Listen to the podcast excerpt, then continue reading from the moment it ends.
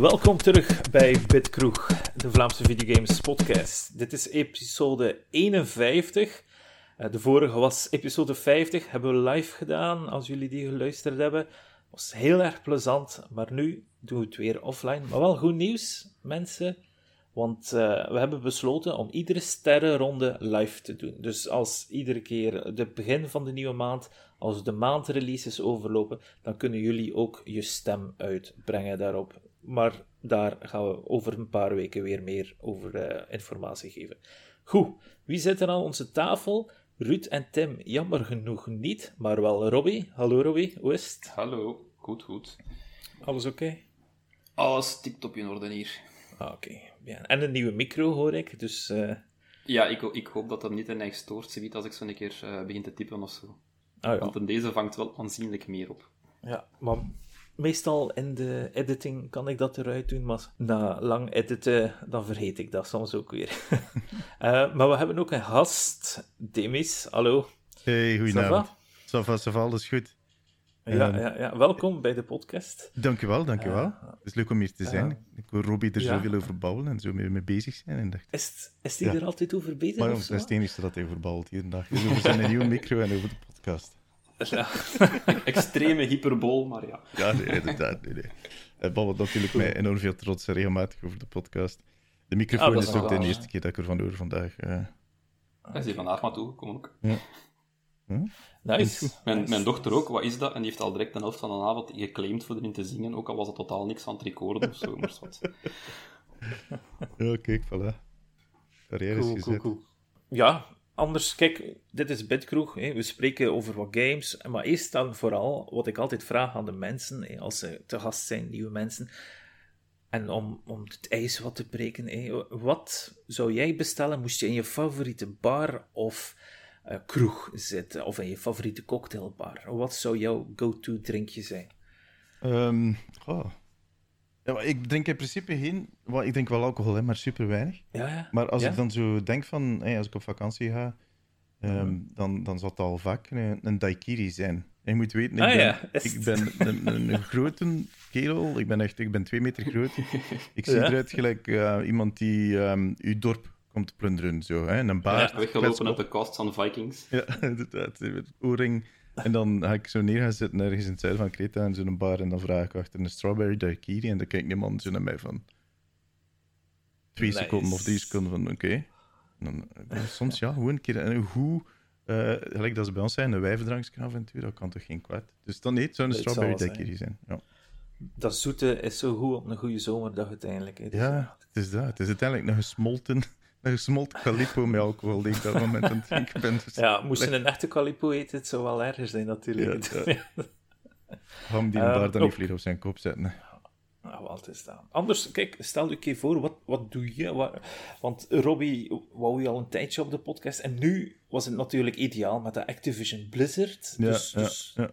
Ja, wel, ik zal, eerst, ik, zal, ja. Ik zal eerst beginnen met mijn dayjob, hè, voordat we naar de Ja, Activision ah ja, Blizzard oké, dingen gaan. voilà. Ehm, ik ben eigenlijk een collega van Robbie. Eh, ik werk Ja. voor een, eh, een bedrijf, Chronos Interactive, eh, waarin dat wij ja, gamingbedrijven ondersteunen, helpen. We zetten gamingbedrijven in een, een soort van cluster. Hè. Dat is een grote groep met technologiebedrijven.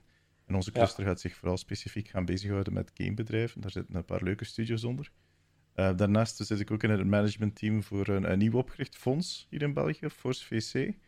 Dat is Ah, een, ja. eh, een fonds die ehm, eh, 15 miljoen aan euro aan budget heeft opgehaald om Belgische studios te gaan ondersteunen. Dus we gaan in de komende jaren op zoek naar Belgische studios met leuke projecten of leuke studios. En die helpen te groeien en te ondersteunen met het oog om de Belgische industrie een duwtje in de rug te geven. Hè. Er Mhm. gebeurt veel, maar een van de dingen die wel het meest nodig is momenteel is geld. Ehm, Ja, het is en daar willen we mee helpen. Dus dat is hetgeen wat ik dagelijks doe. Dus zo, ja, management. Hè, dat is eh, veel meer achter je computer zitten en naar eh, allerlei bestandjes mails lezen. ehm, Mhm. Allee, het is een ander soort job dan hetgeen dat ik s'avonds doe. Want s'avonds dan, eh, dan ben ik enerzijds een, een content creator in de zin van ik stream op Twitch. Ehm, maar daarnaast heb ik ook een, een serie aan, aan brands die ik beheer, die ik heb, of outlets die ik beheer. En de grootste en de belangrijkste daarin is die Omnic Post. Dat is een, een Instagram-account met nu 170.000 volgers. Ehm, die volledig toegespitst is op eh, Overwatch, de, de Blizzard game. Ehm, Ja. Ik denk, ik ben er bijna zeker van dat dat de grootste Instagram-account is rond Overwatch in de wereld. Nice. Ik denk dat ook. Ja. Ehm, Dat ik dagelijks nieuws post en zo. 170.000 mensen zien uw content. Dat is echt Het zijn er meer dan ongelooflijk, 170.000. hè. Ik be- bereik zo. Ah, ja. eh, Ik bereik zo Dat is op- Instagram, ja. Ja, ja, want niet iedereen die. eh, mijn content gaat ook bij mensen die mij niet per se volgen. Ah ja, het is Ehm, juist, ja. Op de topmomenten had ik soms 5 miljoen mensen in de week die ik bereikte. Hè. Dat was echt. eh, eh, dat is nu wat minder, omdat Overwatch ergens in een moeilijke plaats zit hè, momenteel. Eh, we zitten aan het einde van Overwatch 1. Iedereen zit te wachten op Ja. Overwatch 2. Ehm, Meer singleplayer was het ook Ja. zo Het consensus is precies ook waarom eigenlijk een Overwatch 2. ehm, ja, waarom de Overwatch 2? Eh, om, om, nu zijn we zo even aan het afwijken, hè, maar. ik- Ja, allee, ça va. Ehm, wat ik altijd al geweten heb en altijd al gedacht heb, maar eh, wat ik ook zo wel kon afleiden uit alles wat er gezegd wordt door Blizzard, en vooral door Jeff Kaplan, die vroeger de, game director was voor Overwatch, hadden zij compleet andere plannen voor de Overwatch zoals wij die nu kennen, zoals die released is in 2016. Ik weet niet of dat het verhaal een beetje kent van Overwatch, maar eigenlijk is dat eh, een MMO, na World of Warcraft, waar zij de next MMO gaan maken, de next groot MMO bij Blizzard. RPG, de MMORPG. Dus ehm, Mhm. Het idee was van iets te gaan doen met een shooter en, en dit en dat. En dat was Project Titan. Ze hebben daar heel hard aan gewerkt eh voor vier, vijf jaar. Daar is eh, 100 miljoen in gestoken geweest. En in de laatste jaren van dat project begonnen ze te merken dat, dat, dat ze hun targets niet gingen kunnen halen, dat niet ging lukken, dat het idee ehm, ja, dat dat uiteindelijk geen kans op slagen had. Maar de, de, de, de, de suits, de corporate mensen, bleven toch maar pushen Mm. om dat toch verder te zetten. En er bleef maar geld bij geschoven worden en er werden maar nieuwe mensen aan de, aan de kop van dat team gezet. En ja, uiteindelijk hebben ze daar een beetje geld verbrand. Dus op een bepaald moment zijn ze wel degelijk tot de conclusie gekomen: oké, dit gaat hier niet lukken. En dan is er, ja, hoe gaat dat dan? Hè? De, de stekker wordt eruit getrokken, dat is een volledig team die zonder werk zit. En dan wordt er eh, gebrainstormd en gekeken. En dan is het Jeff Kaplan geweest die aan tafel gaan zitten is en die samen met nog een paar andere mensen uiteindelijk op het concept gekomen is van laten we hier een shooter van maken. Een, een beetje als een Team Fortress. Hè? Ehm, dat, dat principe een beetje gaan, gaan eh, een team-based shooter gaan namaken en daar toch iets mee gaan doen. Ja. Eh, met die heroes die ze bedacht hadden en zo. En ze zijn dat dan mee naar Bobby Kotick en, en de board gestapt. En die hebben dat goedgekeurd, maar die hebben dan een budget gekregen om dat te doen. En het plan dat zij origineel voor ogen hadden, was eigenlijk veel breder dan hetgeen dat wij gekregen hebben. Wat wij gekregen hebben is de PvP. En als dat PvE-gedeelte, dus waar dat je echt de story-based content doorgaat, die is geschrapt geweest omdat er geen budget was. Maar dat is dan een gigantisch succes geworden. Overwatch eh, heeft enorm veel- veel meer opgebracht dan dat Titan ooit gekost heeft. En dan hebben ze dan toch het groen licht gekregen om de Overwatch te maken die ze wilden maken. En dat is uiteindelijk wat Overwatch 2 gaat zijn. Hè. Dat is de game die Jeff Kaplan wil maken. Ah, oké. Ik dacht dat Overwatch 2, toen ik het iets wat hoorde, was dat gewoon vrij singleplayer-based ging zijn. Nee, Dus nee, dat blijft, je- er, blijft een multiplayer. Ah, ja. het is gewoon... We moeten het een beetje kijken, eh, vergelijken met eh, Left 4 Dead. Een beetje die, Ah, ja. eh, die optiek zo van... Je gaat als een groep binnen en je speelt u door die missies. Alle story content zit in missies vervat. Ehm, Ja. ik, heb, ik heb het een paar jaar geleden, als het voorgesteld geweest is op BlizzCon, was ik erbij. Eh, Ja. Op BlizzCon en heb ik het even kunnen spelen. En hey, het is echt wel eh, een leuk, leuk vooruitzicht. Het, is echt iets, het kan echt wel interessant worden. Maar we gaan moeten wachten hè, om te zien wanneer dat gaat uitkomen. Ah, wel, Toen mij echt denken aan hetgeen dat ik nu aan het spelen ben, Rainbow Six. Totaal niet vergelijkbaar als opzet waarschijnlijk, maar ook dat... In is eh, Extraction. gespeeld met drie eh, online mensen tegen een AI eigenlijk, en dan Ja. ervaarde zo een klein beetje singleplayer, maar daar zit bijna niks van content in, gelijk bij Ja. Overwatch of zo. Ja, nee, dat- ik denk dat dat Veel inderdaad het verschil is. story. Hè. Ja, daar is het echt, het is volledig story-driven. Het is echt, eh, iedere beat wordt echt ingegeven van... eh, die, die missie die ik gespeeld heb, ehm, was, eh, was in Brazilië, in Rio. Eh, met Lucio, ik weet niet of dat hij heeft dat zelf ook Overwatch Mhm. speelt, maar Ja, Lucio ja. is die eh, eh, Braziliaanse karakter. Ik speel Ja. het niet, maar ik ken alle personages, want ik vind die shorts geweldig. Ja, die zijn inderdaad supergoed gedaan. hè. En dat is ook waar dat Blizzard sterk in is. En, en eerlijk gezegd ben ik blij dat ze die kans gekregen om dat te Ik weet doen. het niet. Ja, allee. Ik weet dat ze enorm veel kritiek van Ja. hebben momenteel. Ah, wel. Ehm, en eh, het is uiteindelijk is dat. ehm, eh, Ja. Als het dan gaat bijvoorbeeld over World of Warcraft. ehm, ik, heb daar, ik heb daar zelfs een filmpje over gemaakt. Mhm. World of Warcraft is volgens mij echt aan het lijden onder het gewicht van 17 jaar ehm, verder te staan. En van, van 17 jaar aan lore, aan gameplay, aan geschiedenis, aan mensen die, die zelf hun eigen eh, interpretaties heb- hebben van alles wat er gebeurt in die wereld. Op een of andere manier dus dat was het onvermijdelijk dat ze op een plaats gingen komen waar dat, ehm, waar dat hun eigen playerbase zich tegen hen ging beginnen keren. Als je gewoon op datzelfde traject gewoon blijft verder Ja. bouwen. Als, als Final Fantasy XIV bijvoorbeeld zo lang zou doen, dan gaat er uiteindelijk ook wel eh, ergens dieptepunten komen. Het is dat inderdaad. Ja. Het is, ja, je, je- je- ik denk dat dat onvermijdelijk is. Als iemand een boek leest bijvoorbeeld, dan ga je die karakters op die manier gaan voorstellen. Je Ja, gaat altijd voilà. veel meer van die als persoonlijke het dingen erin eindeloos steken. is. Eh, als het eindeloos is, zoals de Dune-reeks. hè, Mensen, dat is de hipste film op dit moment geweest. Ja, ja. Maar die boeken zijn eindeloos en er zit daar ook heel veel crap tussen ze, uiteindelijk. Dus eh, ja, ik snap het volledig. Ik wist zelfs niet dat dat een boekenreeks was, van dat er zoveel titels Wat aan waren. is Ja, ja. Ik denk dat er gelijk drie Dunes of zo waren, of zo, als boekenserie. nee, nee, nee, er de eerste vijf waren van Frank Herbert en de rest waren van zijn zoon. En dan, ja, maar oké, dat is iets anders. Hè. Maar ook een hele fantastische RTS-game, dat moet ik wel zeggen. Ja, een van mijn favoriete games. Als, eh, ik heb, ah, Dune is voor mij ook... eh, ik ben een enorm grote Dune-fan ook. Hè. Ehm, het? Ah. Ja, ja, ja. Je gezien dat die boek voor zoveel miljoen is verkocht. Dus eh, het zo... Die NFT-dingen daar of wat? Nee, nee, nee. Dus Jorodowski's Dune heeft zo een boek uitgebracht met al zijn sketches in en, en heel zijn concepten. En eh, die buyer heeft dus 10 miljoen euro klaargelegd daarop, daarvoor. Hè, heeft dat gewonnen in zijn bid. En, nu, en toen zei hij van, ja, nu kan ik die achtermaken en nu gaan we die verkopen. Maar die heeft die rechten niet gekocht, hè. Hij heeft gewoon die boek Die gekocht. hè. fysiek, ja, die Ja, ja. gekocht, ja. Ja, ja. Dus die, was aan het denken dat hij... Ja, ah, wel. En, en die was echt aan het vloeken op Twitter van... Ja, nee, allee, allee, ik wil, kan dat toch niet... ik moet dat toch kunnen doorverkopen? Nee, ja, dat gaat niet. Hij heeft u recht niet meegekocht, hè. Dus 10 miljoen euro naar de vaantjes, hè. Oh, je heeft wel een solo boek, hè. Pas op, hè. Ja, natuurlijk. tuurlijk. je kunt hem blijkbaar ook tegelijkertijd- gratis op Google Drive lezen. Dus... eh, Ah, wel, tegelijkertijd is er een of ander NFT-bro dat zo een kopie van een kopie van een kopie van een boek op een URL geplaatst heeft en dat beginnen verkopen is als... Ik heb nu alle rechten op de boek, de eerste boek van Dune van Herbert Frank. En ik van... eh Ja, Nee. het is belachelijk uiteindelijk. Maar ja, goed.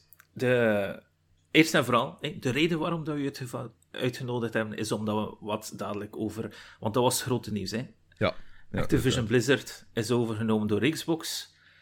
Dat een is, dat X-bommetje is gedropt. een megaton, hè, zoals dat ze zeggen. Dat is echt heavy, heavy, heavy. Ehm, maar ik wil wel nog even terug naar Overwatch, want dat vond ik wel interessant.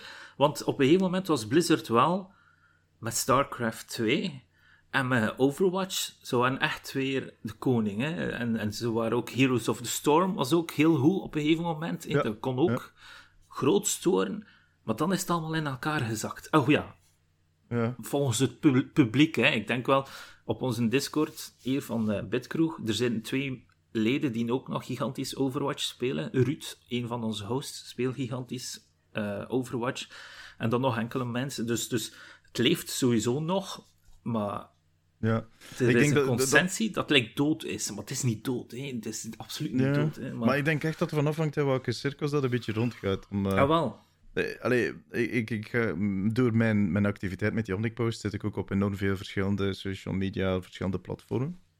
En dan zie ik ook bijvoorbeeld op Twitter heb je een, een volledig andere perceptie van wat bedrijf, eh, wat voor soort allee, bedrijf dat Activision Blizzard is naar content. Hè. We laten we wel duidelijk stellen, er is nu wel een groot verschil met alles wat er gebeurd is in het laatste half jaar tussen Activision Blizzard, het bedrijf, en Mhm. alles wat dat daar ehm, misgelopen is in de voorbije jaren en wat er nu naar boven gekomen is.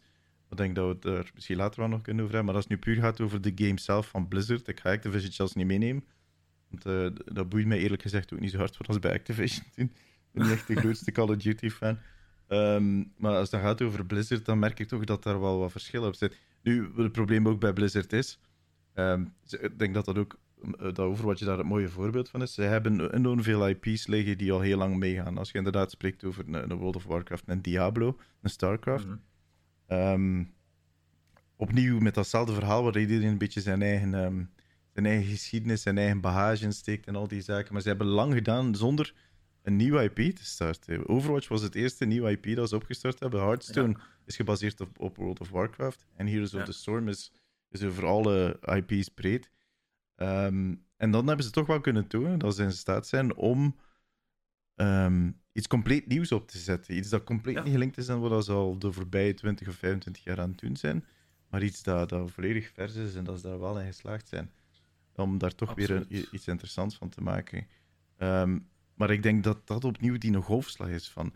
Mensen hebben altijd die nood aan iets nieuws en iets anders. En... Het was ook zo fantastisch dat ze hele nieuwe mensen hebben meegesleurd in dat verhaal. Hè? Dus niet alleen de mensen die, die tien jaar al World of Warcraft spelen, of, of, of StarCraft freaks, of ja, zou ik zeggen Lost Vikings, maar dat telt niet natuurlijk. Maar dat is wel heel dat ze gewoon, ja. en wel, want dat ze al die allemaal nieuwe fans en jonge fans voornamelijk hebben kunnen meesleuren in dat verhaal, dat vind ik fantastisch.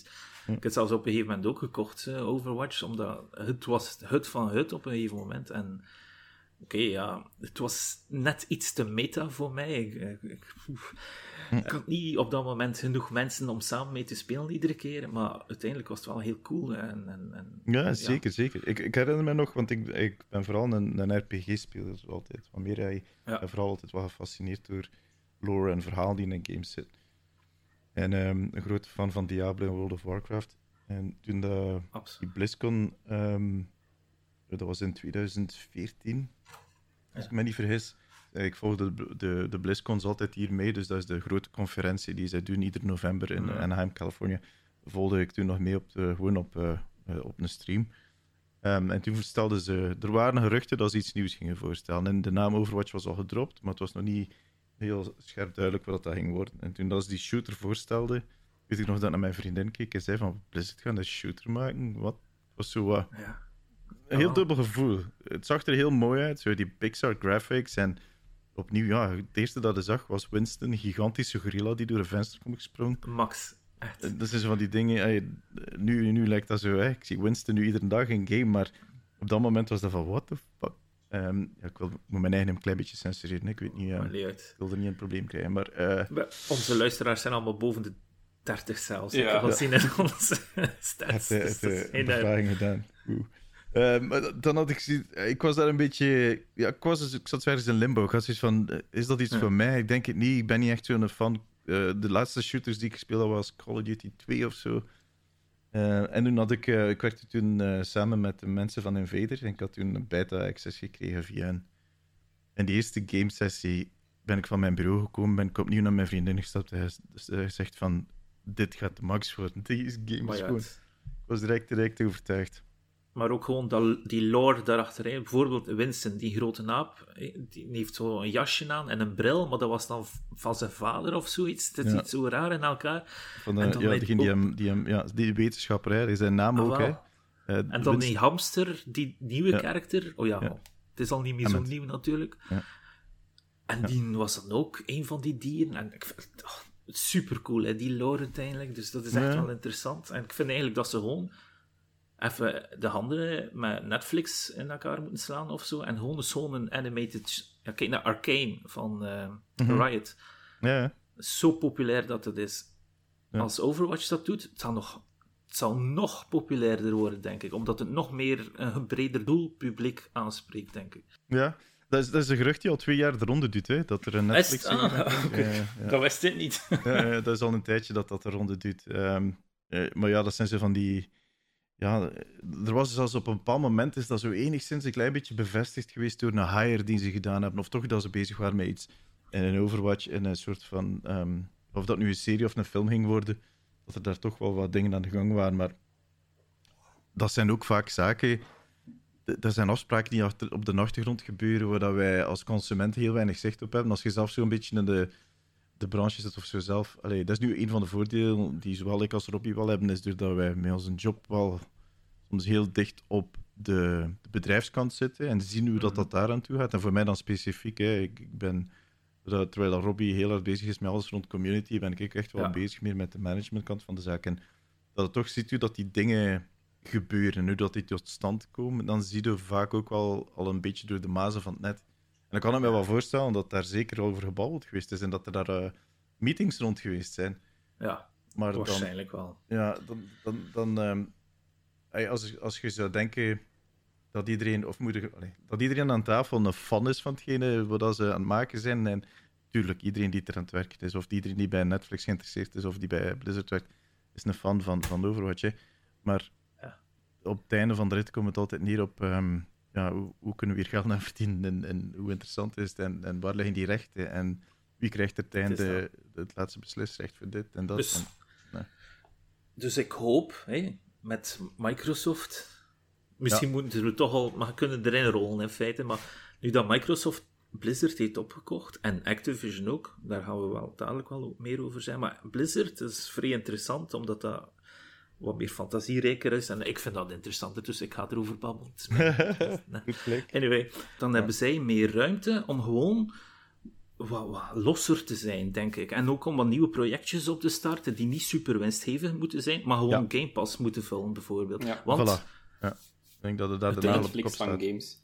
voilà. Het is, het is, dit is geen deal geweest voor Xbox, dit is geen deal geweest voor Microsoft, dit is een deal geweest voor Game Pass. Ja, dat klopt, is. Klopt. Game Pass is wat het moet worden. Is. Nu hebben ze ook aangekondigd 25 miljoen subscribers. Ja. Ze hadden meer gehoopt, dat weet ik al uit notities gezien. Van, ja, ze wilden eigenlijk al tegen de 30 zitten, eigenlijk, maar ja, hier en daar waren er wat problemen geweest. eh, maar eh, Ja, de 25 Halo, de miljoen. Halo-servers bijvoorbeeld af en toe. Ja, bijvoorbeeld. en, eh, en ze willen tegen, ja, of tegen volgend jaar waarschijnlijk de 50 halen, dus ze moesten wel breed uitgepakt hebben. Ehm, ik denk ook dat dit nieuws tactisch nu naar buiten is gebracht, want als je kijkt naar de eerste komende acht maanden, wat dat Xbox, dus Microsoft, wil uitbrengen, het is niks hè, dat ze willen uitbrengen van First party toch niet, nee.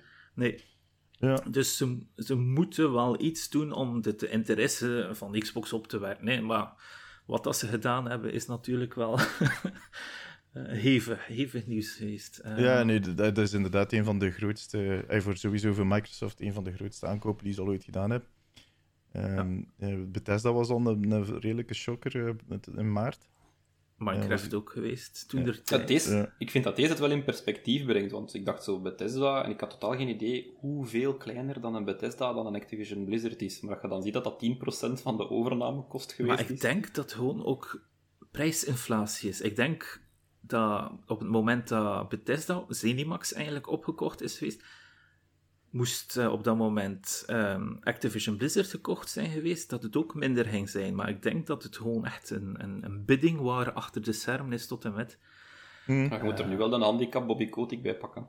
Want Zynga is ook verleden week opgekocht. Hè? Eh, Misschien heeft dat de prijs wat gedrukt ook. Maar ik denk dat je niet moet onderschatten, inderdaad, hoeveel groter dat Activision Blizzard met King erbij, want King zit daar Ja. ook onder en al die andere Ja. studio's. Hij is toch wel, eh, dat, dat was ehm, Ja. sowieso al een van de grootste studio's, of een van de grootste bedrijven die er waren in de game-industrie. Ehm, King, King levert blijkbaar 1 miljard euro per jaar op, uiteindelijk. Dus Ja, ja. eh, Ja, qua revenues staan die, hey, nu met al die aankopen die nu gedaan zijn, eh, die Microsoft gedaan heeft, staan ze op de derde plaats wereldwijd. En een keer dat rond is, hè, Ja. want we mogen er ook...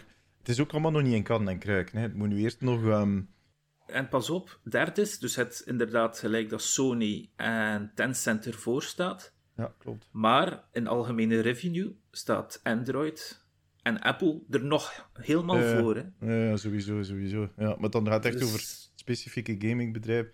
Maar het is ook allemaal nog Ja. niet zeker, want het moet nu nog eh, in eerste instantie ook goedgekeurd worden door de Department of Justice in de Verenigde Staten. Dat, dat gaat wel gebeuren, dat denk Maar, ik wel.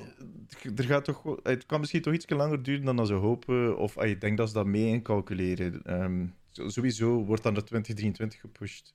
Ja, als ze Disney zodanig vrij spel geven, waarom dan niet Microsoft uiteindelijk? Hè? Ja, ja allee, dat is ook niet, er zijn ook voorwaarden aan gesteld geweest hè, bij Disney. De moment dat zij, Ja. ehm, eh, hey, wat dat zij met LucasArts overgenomen hebben en dan ehm, eh, Marvel. Marvel overgenomen hebben, Ja. dat viel op zich nog wel mee, omdat dat, dat zijn En ook... Fox. Ja. Ja, maar toen dat ze Fox overgenomen hebben, zijn er wel degelijk voorwaarden gesteld en heeft, hebben ze wel een stuk moeten afsnijden. Hè. Hebben ze inderdaad Dat gewoon een stuk, van de taart moeten afsnijden. Ehm, we, we zullen zien, hè, we zullen zien. Ik denk sowieso denk dat ze het meest geïnteresseerd zullen zijn in, eh, in Blizzard, omdat daar toch hun meeste IP's in zitten. Momenteel het enige dat Activision zelf heeft, is Call of Duty. Ja. En, En wat, wat klassiekers als Crash Bandicoot en Ja, maar die, zelf, die dat Activision zelf heeft stilgelegd. Dat vond ik altijd zo jammer nieuws. Ik, weet nog zo, was het twee jaar geleden of zoiets, dat ze zeiden van Toys for Bob, die dat de, de Crash Games en Spyro gemaakt hebben, we gaan die op de Call of Duty zetten. ik van, dat is zo'n rare keuze van, van zo'n studio. Hmm. En dat waren dan nog successen in die games, die hebben we goed verkocht, die werden kritisch goed onthaald, maar we gaan ze op Call of Duty zetten. Maar ik hoop dat, uh, dat Phil, ja, Phil Spencer is niet een baas van alles natuurlijk, maar dat ze intern wel gaan ja, nu beslissen. Wel. Ja, Hij heeft een nieuwe titel gekregen. Hij is nu CEO Hij is de baas van de gamesindustrie nu. ja. ja. dat staat niet bij of Xbox Gaming, dat staat gewoon CEO of Gaming. Dus. Nee, uh, Microsoft Gaming stond erop. Niet, uh, ah, stond er toch Microsoft Gaming bij? Microsoft. um, maar ja, ik vind, wel, ik vind het vrij interessant wat dat er gebeurd is. En ik weet niet, er gaat heel veel. Ja, er is, het internet is ontploft. Hè. Iedereen is aan het discussiëren, iedereen heeft zijn eigen mening. Is het goed, is het niet goed? Uh, ik persoonlijk, dus dat is echt mijn eigen mening, ik denk dat dit wel ten goede is. Ook alleen maar om Activision Blizzard gewoon de ruimte te geven en om daar ook wat intern te kunnen opschonen en wat met de goede naam van Microsoft te kunnen uh, meevaren. Want als je kijkt in de, in de board of directors ook van die gaming, dat is echt een gemengde board. En, en ik denk dat dat uiteindelijk maar ten goede kan vallen. Hè? Want, en dat die body, uh, ja, Bobby Kotick uiteindelijk ook maar uh, een gouden handdruk gaat krijgen. Ja. Wat dat ze wel wat intern tegen zijn, maar ja, het is Nog beter laten gaan. Dat mag van mij ook, maar het is beter laten gaan dan nog tien jaar onder hem te werken uiteindelijk in de hoofd, ja. ja, nee, sowieso. Ik denk dat uh, dat onvermijdelijk is dat Bobby moet gaan. Ik, ik, ik vergelijk dit met die, die, wat er nu gebeurt. Hè. Ik heb, toen de die affaire naar boven gekomen is in juli, heb ik nogal lachend gezegd. Ja. Um, het zou misschien geen slecht idee zijn mocht Activision Blizzard worden overgenomen door iets zoals Disney. Ah, ja. um, omdat, de, om, omdat er echt iets nodig is, iemand die hem erboven zet, iemand die hem bovenaan die organisatie zet, en die eigenlijk genoeg druk kan geven en die gewoon als dat, dat, dat circus daarboven kan opbreken en, en dat plateau die er nu zit van die een board die Bobby beschermt, omdat het allemaal zijn vrienden zijn, Bobby zelf, Mhm. en het management die hij daar structureel heeft ondergezet en ook stilletjes aan bij Blizzard, want ik, ik ben nu al vijf jaar met die Omnic Post bezig en ik weet nog, ehm, we hadden een tijd ook een eigen podcast, we hebben die even stilgelegd, omdat mijn co-hosts niet konden leven met alles wat er gebeurde bij Blizzard, wat ik vrij goed kan Oh, verstaan. dat is heavy. hè? Ja, ja, die, die, eh, die, ja, eh, ik begrijp dat ook. Hè. Eén ervan, ehm, van mijn host had het er echt wel moeilijk mee. En ik heb dan ook beslist van het gewoon even stil te leggen. Maar we zien wel wat er daarmee gebeurt. Ehm, maar allee, we hebben gaandeweg ook gewoon gezien dat Bobby zijn, zijn, zijn invloed binnen Blizzard groter en groter wordt. Toen dat wij begonnen met onze podcast, was er nog niets aan de gang. In de laatste aflevering, hey, we hebben gewoon die evolutie zien doormaken. En dat zag je dan vooral door door, door beslissingen die gemaakt worden, die eigenlijk puur gebaseerd werden op corporate greed. Waar dat echt ging over dat, dat jullie dat net ook zelf al zeiden, hè, moet nu geld opbrengen. Waarom hebben ze Crash Bandicoot stilgelegd terwijl dat goed verkocht? Omdat uh, games as a service veel interessanter zijn. Zorgen dat we mensen constant geld uit de zak kunnen halen door, door bepaalde dingen in Call of Duty te gaan steken. Dat zijn de zaken die ons uh, de komende maanden veel geld gaan opbrengen. En dat artistieke en dat inhoudelijke, en dat, dat interesseert die groep van mensen niet zoveel. Hun imago ook niet. Nee, ja, nee, inderdaad. Maar nee, er zit nog zoveel geld dat, dat ze denken dat ze met alles kunnen wegkomen. Hè. Um, hey, er is zo'n ding die rondgaat, die altijd wel wordt... Opnieuw, iedere keer dat het over Bobby Kotick gaat, dat wordt opnieuw Ja, gepost op Twitter. Epstein, zijn boekje. Ja, dat boekje, dat? Ah, boekje wel. die naar boven komt. Maar dat is wel inderdaad dat kaliber van mensen, hè, die denken dat geld in boven alles zet. Maar goed, we gaan hier niet... Ik wil niet in bepaalde ideologieën gaan en beginnen verkondigen dat, hè, dat kapitalisme en dit en dat... Daar zijn we niet voor, hè. we zijn hier om over games te babbelen. Ehm, maar we hebben wel die evolutie gezien. En ik heb gezien dat die grip op Blizzard alleen maar groter werd. En wat hebben we dan als resultaat gezien? Mike Morhaime, het bedrijf opgericht heeft, is, het gewoon, is hem afgebold. Hij zegt van, het is genoeg voor mij, dag, ik ben weg. Ehm, ehm, mensen zoals een Jeff Kaplan, die Overwatch letterlijk uit de modder getrokken heeft achter dat Project Titan zo hard gefaald is, die, die het gezicht was voor die game. We noemen hem allemaal Daddy Jeff. Tot op deze dag is er nog een emote op mijn kanaal. Op mijn, mijn Twitch-kanaal is er nog altijd een Jeff-emote. Met, met alle respect voor de nieuwe game director. Een, heel capabele mens. Maar Jeff was zo... Dat was Daddy Jeff. En, maar die, is dan gewoon, die heeft gewoon die game die hij zelf uit de modder had, heeft, hij achtergelaten. Omdat... Ja, dat, Ja. Dat, dat, dat de situatie zo zo hard... Rampzalig is. Rampzalig is alles was puur gefocust op dat geld. Bovenop alles die er dan mis was met de cultuur en dat er niet voldoende ingegrepen werd in, uh, in, in zaken die verkeerd liepen, uh, uh, discriminerend gedrag. Dat zijn zaken waar er veel sneller op moest geschakeld worden, maar dat zette in een slecht daglicht of dat vertraagt dingen. Bobby Koot denk ik op een bepaald moment blijkbaar gezegd van dat dat soort gedrag, dat rock and roll gedrag noemt hij dat, dat dat ervoor zorgt dat er betere games worden gemaakt. Dat is zo de grootste bullshit die ik, denk ik, ooit gehoord heb. Dat is echt... Uh... Maar dat is zo'n beetje de mentaliteit die daar, die daar leefde onder zo'n Bobby. En door daar zo een, mensen zoals inderdaad nog veel, uh, maar ook zo bedrijven zoals Microsoft boven te zetten, wordt die druk enorm veel harder. Hey, op een bepaald moment krijg je gewoon... Het is alsof dat je pa zit mee te kijken en alles wat dat aan het doen. Hè, die je zegt van, dat anders doen, let op. Je voelt je bekeken. Ja. Die druk is nu enorm hoog op Hans, dat, dat managementteam, en op Bobby zelf ook.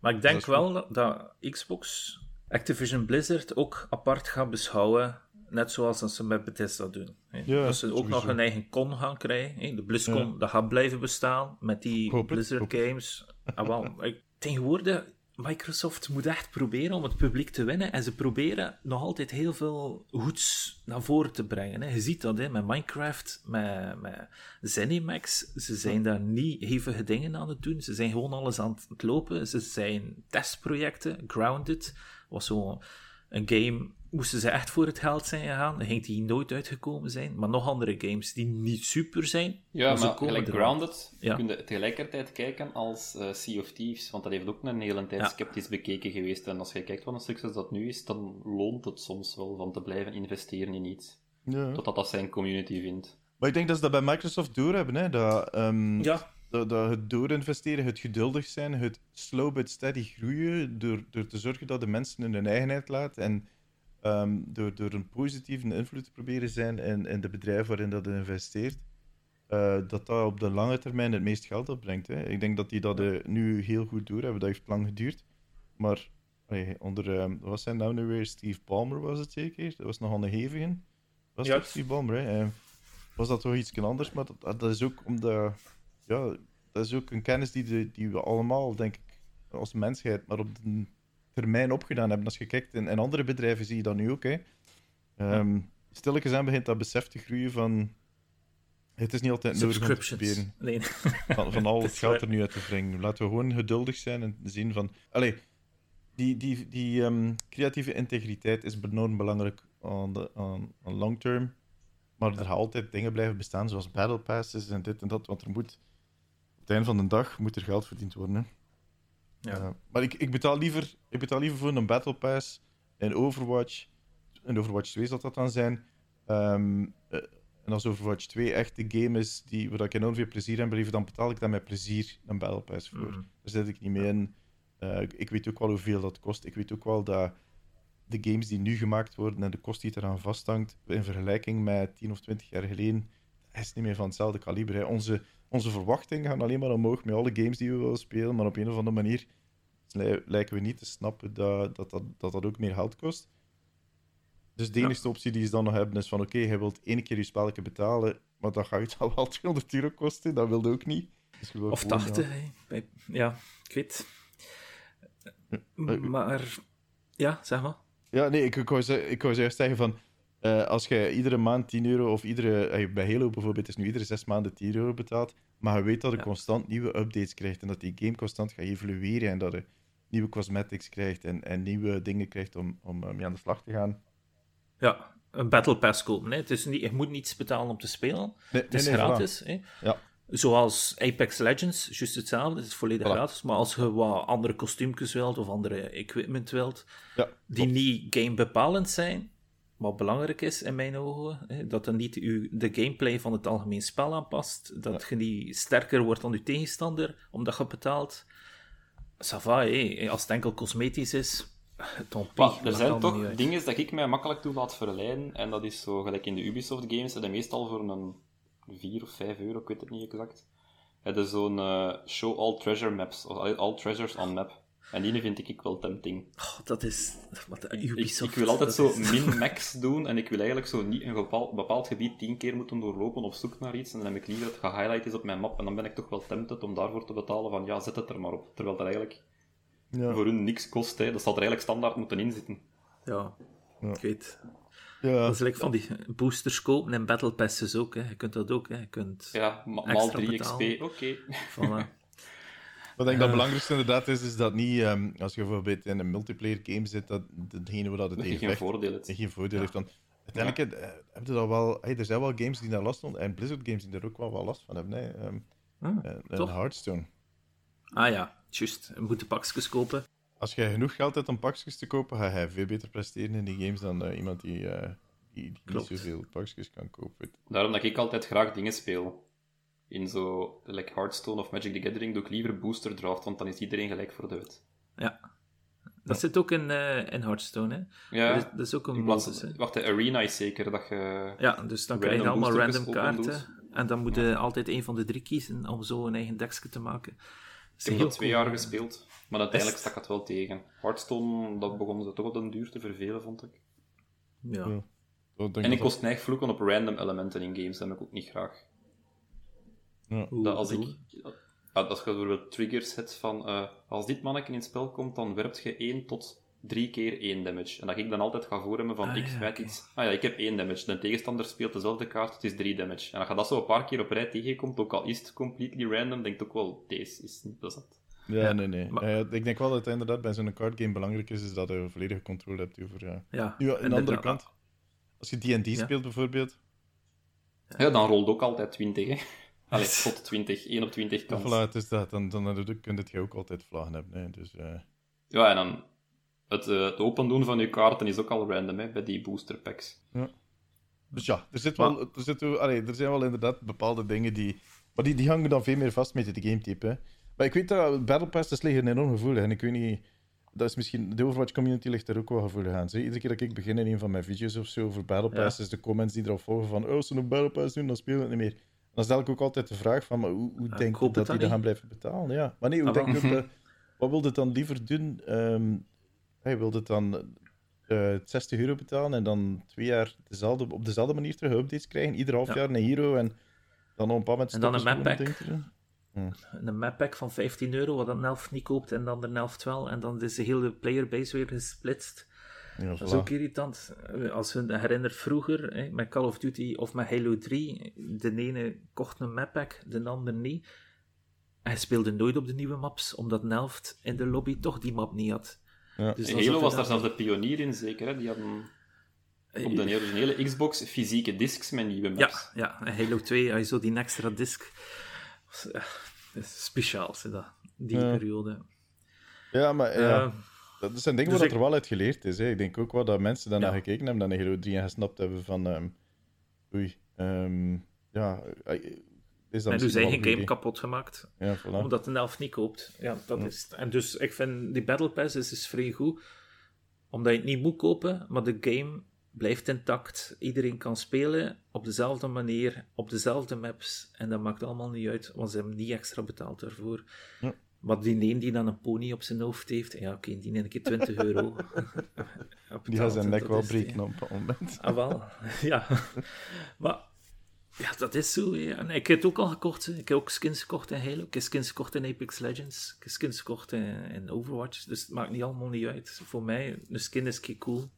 Maar dat Ja, is dat- Ehm, we gaan eerst een keer eh, overgaan over wat dat we gespeeld hebben. hè. Ja, want we hebben eh, stapjes overgeslagen. ja, ja, maar Dat dat is je wel-. Dat is plezant. Robbie, hebt u weer uw lijstje, zie ik hier. Dus ik ga een keer achterover leunen. Vertel ik wat je allemaal hebt zitten Nee, nee, het, het gaat wel redelijk af zijn. Eh, ik ben begonnen met Minute Fundraiser te downloaden, omdat ik dat zag in mijn Steam backlog. Ja. En dat is ehm, van, noemt hem daar, G-Waap en zo. Die hebben dat van de, half, de helft van Vlambeer. Had Ah. zo een minute gemaakt en dat is zo dat spelletje Ah, dat je zo. RPG-gewijs, dat je x aantal seconden kreeg, 60 Ja. seconden, voor tot een bepaald punt te geraken. En dan was het elke keer een reset. En nu heeft Ja. hem daar zo'n fun racer van gemaakt. En dat is eigenlijk gewoon een side-scrolling racer ontwijk dingen. En dan gaandeweg unlockt je dingen dat je meer seconden hebt en dat je boosts krijgt en zo. Ja, en, en je kunt het redelijk ook- uitspelen.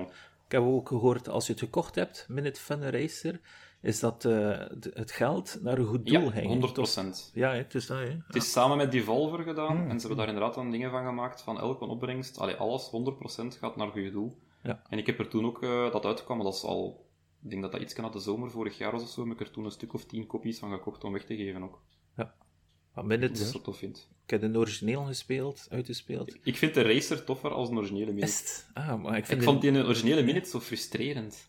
Het is een Zelda-achtige ja, game. Ja. En ik snap de gimmick daarachter wel, ze, maar ik, allee, als je zo zegt van, ja, ik ben er bijna, pedoeng, je zit dood. Die rage was toch wel groot bij mij. Van, oh, ik vond het echt een fantastisch spel, moet ik wel zeggen. Oké, cool. Uh, ik heb ook Titan Chaser gespeeld. Ja. Dat was zo iemand dat mij gecontacteerd had van, hey, wilt je mijn game eens testen? En dan ik even gaan opzoeken, zich de naam interesseert mij wel. En je moet op een peaceful manier zo titanen verdrijven. Hmm. En dat is echt zo heel archaïs gedaan, game design gewijs, heel oud in design. Gelijk, je hebt ook totaal geen van, een titaan loopt daar rond. Het is niet dat je een minimap hebt of zo, of dat je een radar hebt van, is echt waar het is. Nee, dat is echt gewoon van, hij bevindt zich ten noordoosten van dat stadje. En dan heb je zo'n kompas dat je zelf amper kunt zien in je auto. En alles moet ze zo manueel doen, gelijk open deur, stap in auto, sluit deur, start motor, zet de rem af. En dan moet je elke keer zo al die stappen doorlopen. En terwijl ze het op titanen aan het jagen en zo, en dan moet je zelf zo een licht in zijn ogen schijnen, maar dat gaat dan niet terwijl dat gaan rijden zet, dus dan moeten we eerst terug auto af, parkeerrem op, lichtje op, en dan in zijn ogen schijnen, terwijl het mij over je hoofd aan het stappen is, zo, hè. Dus je moet dat wat vooruitdenken. Maar gewoon het concept van dat dat peaceful is, je moet ze niet aanvallen of zo, er wordt ook niet in die game gesproken alsof dat ik weet niet grote gevaren zijn, gewoon, ze zijn groot, ze zijn loemp, ze zouden misschien een huis te pletter stappen per ongeluk of zoiets, dus jaagt ze vredevol weg. En dan is zo een draak, twee titanen dat je moet doen, een vliegende walvis en een kraken. Ja. Als je weet wat dat je doet, op twee uur is het uitgespeeld. En op wat kun je het spelen? Uh, ik weet het niet uit mijn hoofd, ik heb op Xbox gespeeld. Ah ja, oké. Maar het is redelijk cheap, het was uh, eh, 5 euro maar of zoiets. En de Amerikaanse versie was er een groot verschil in, was 3,80 euro, uh, euro in dollar. Oh ja, dat is niks. Oké. Okay. Dat is low price, twee uur is het uitgespeeld. En dan alle achievements of trophies, dus dat is... Dat was wel zoeken, want het is geen populaire game, of bijna niemand kent ervan, dus er bestaat geen trophy guide voor. Ah ja. Dus als er zoiets is van, uh, bel een keer met elke telefoon in, de, in dat spel, dan moest ik zelf wel gaan zoeken. Oké, cool. Uh, ook terug wat Forza Horizon 5 beginnen spelen, puur uit de, ik ben iets aan ik wil iets kort spelen af en toe, dat ik zo een gewoon pick-up en play en een race kan of zoiets doe, of als de kinderen even lastig doen en ze zijn nu aan het bezighouden of zo, dat ik iets kan spelen. Dat is dan maar 5 à 10 minuten. Ah, ja. En dat saved zich grap. Heb je dat filmpje gezien dat ik gepost heb in Discord? De auto dus, op een auto daar. Ja, ja er was een auto die op een andere auto landt. Hij stond helemaal eerstes. En dan opeens gaat hij over de finish. Tweedes, omdat die andere auto op hem stond. Boven hem en die was iets verder. Uh, super cool. Super cool. Dat is okay. een manier om, te, om uh, tweede plaats. Ja, dat was waarschijnlijk ook niet zo bedoeld, maar wel epic. Ja, ja. De, die tweede alle, alle twee die spelers waarschijnlijk elk van hun eigen standpunt direct record last 30 seconds. Ja. Uh, maar het meeste tijd heb ik zitten steken in Rainbow Six Extraction. Uh, had ik niet gedacht, want ik heb nooit de Rainbow Six gespeeld en ik ben zo'n beetje helemaal tegen multiplayer ervaringen en zo, omdat ik altijd op de rare uurtjes van de nacht speel. Mm -hmm. uh, pak dat ik meestal tegen 11 uur s'avonds pas begin te gamen tot 1 uur s'nachts of zoiets. En dan zijn meestal mijn vrienden niet online, dus co-op spelen is al zeker niet mogelijk. Uh, maar nu waren er zo wat in mijn contrain mensen dat er codes aan gekregen hadden. En Ubisoft was ook zo van, ja, ja, vraag maar direct drie codes aan en ziet dat je het aan mensen geeft dat ze samen met u kunnen spelen. Ja. Zo waren ze redelijk vrijgevig in. En nu op 20 januari komt het ook uit op Game Pass. Dus dan gaan er zeker genoeg mensen online zijn. Maar ik moet zeggen dat ik blij verrast ben. Het is zo niet, qua story is het echt bare bones. Het is zo gewoon iets, something, something, aliens landed on Earth, something, something, red humans. En dan zo een heel rare setup elke keer ook van we hebben die gecontained en dan sturen we daar één of twee mensen in en die gaan dan op onderzoek uit. Voor die te gaan, zo, data samples te gaan halen of zo, of mm. gewoon objectives doen. Want het concept op zich is gewoon drie online mensen tegen de AI. Ja. En dan moet je objectives doen, gelijk red iemand, uh, of destroy dat ding of zoiets. Maar het is redelijk pittig nog, moet ik zeggen. Ik heb het zelf nooit gespeeld, maar heb wel al mensen ah, wel, het, het is... en zien spelen, maar zelf nooit gedaan. Ik weet dat de eerste Rainbow Six dat dat eigenlijk zo tactisch is en zo, en, en slow burn, en dat er mensen echt, ik weet niet hoe diep in gingen, dat er een gans e-sports verhaal rond zit, en dat sprak, het is ook dat dat mij deels afschrikte. Mhm. Maar hier is het echt zo niet competitief, gewoon level ja. uw mannetjes, traag, traag maar zeker dat je extra abilities unlockt, omdat je zo extra dingen kunt doen en zo.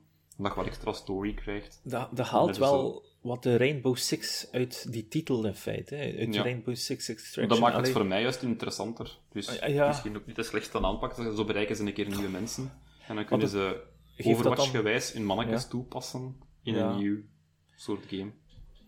Maar als ik denk aan Rainbow Six, dan denk ik aan die mensen die echt zo aftellen en echt samen in het team zitten van ja, op drie seconden ga ik door de deur, dan ga jij door het raam. Hè, en dan gaan we samen die kamer kleren en, en dan gaan we naar boven en dan gaan we dit, dit, dit doen. Of, en dat doen we nu nog altijd, maar nu is dat gewoon tegen AI. Ah ja, oké. Je hebt wel al zitten spreken in de micro om bepaalde dingen te doen. Het is, is echt nodig. Ik heb de ah, game alleen proberen spelen en er is wel een beetje scaling in als je het op je alleen doet bijvoorbeeld en je moet zo een mens uit een boom trekken, dat is zo'n alien tree dat je zo aan het consumen is. Uh, en je hebt dan zo'n soort van stasis foam dat die even veilig houdt en dan kun je daaruit trekken. En nog een eentje speelt, dan is in een boom zo op twee plaatsen getethered en dan kun je er opschieten op die anchor points en dan kun je makkelijker extracten. En als je dat met twee mensen speelt, zijn er meer points. Als je dat met drie mensen speelt, zijn er nog meer. Ah, ja, maar tegelijkertijd valt dat wel op van ja, als ik het op mijn alleen speel, dan moet ik zowel de persoon zijn dat die een mens uit een boom trekt. Maar dan, terwijl zijn er van die attacks uit die wortels aan het komen, dus moet je even stoppen met trekken. Schiet, mhm. schiet, schiet, schiet, terug beginnen trekken. Ah nee, ze zijn terug aan het aanvallen. Schiet, schiet. En dat valt gewoon op dat dat iets is van, dit moet ik minimum met twee mensen doen. Ja. En dan is echt dat, dat spreken ook nodig, want die dat aan het trekken is, die is de enige dat bijvoorbeeld ziet van uh, de volgende attack gaat uit die een nood komen. Dan kun je bijvoorbeeld zeggen van linksboven, de diene gaat, uh, gaat nu zo'n soort van attack doen naar die mensen in de boom. Oké. Als je nu zo midden de podcast binnenkomt, um, dan komt dat uh, bijzonder pittig. En dan een kleine een, een, agressieve boom. Ja. maar wat ik wel met cool zijn vind aan de game... of was daar? tetten, inderdaad, ja. Ja. Dat is T-E-T-H, een tetter. Ja, ja, maar ja, ja, dat zo. Dat de dat niet mee zijn. Um, wat ik wel heel cool vind, is dat iedereen in de game echt een glass cannon is. Ah, ja. de, de vijanden, de, de basic grunts eigenlijk, degene waar er het meest van zijn, die kunnen met, enige, met het kleinste wapen eigenlijk, als je een headshot doet, knallen die kapot. Maar tegelijkertijd, als zij u twee keer meeleen, zijn je ook dood. Dus ah, dat gaat echt wel heel snel en dan is dat ook wel heel op overweldigd. Dus je hebt echt wel die een teamplay nodig van, ja. Ah, we gaan nu in deze kamer een objectief doen. Uh, jij plaatst een paar Claymore-granaten, jij zet daar een automatische turret. Uh, jij, jij scant alles, zodat de enemies rood oplichten voor ons allemaal. En dan terwijl constant communicatie van, ze komen langs achter, ze komen langs daar. Dat is wel redelijk typisch voor, de, dat soort shooters, hè. Dat zijn zo die tactical, zo ja. dat, ja, dat is wel wat. Uh, ik denk dat ik heb Valorant nooit gespeeld, maar dat lijkt mij ook zo één shot dat hij zit dood. Uh, in ja. andere keer de richting ook. Maar dan het enige dat me een klein beetje stoort is, ze willen dat je alles co-op doet, maar je verdient wel je experience individueel.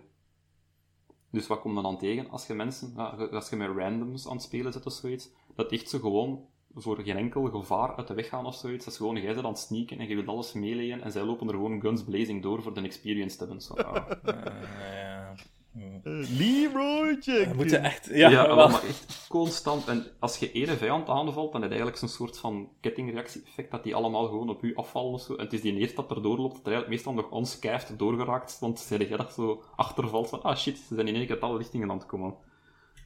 En dan moet je meestal nog ironisch genoeg de diene gaan redden, want hij heeft dan zijn ah, ja, ja. Maar dat, laten overweldigen. Hè. Apex Legends Dan kun je die in een pot gaan steken, want dat is dan de target van red uw teammate. Dan kun je die in een pot gaan steken voor extraction. En dan krijgt die nog, als je uiteindelijk zo alle drie doodgegaan bent, maar die in de pot krijgt dan zo nog een 30 experience bonus.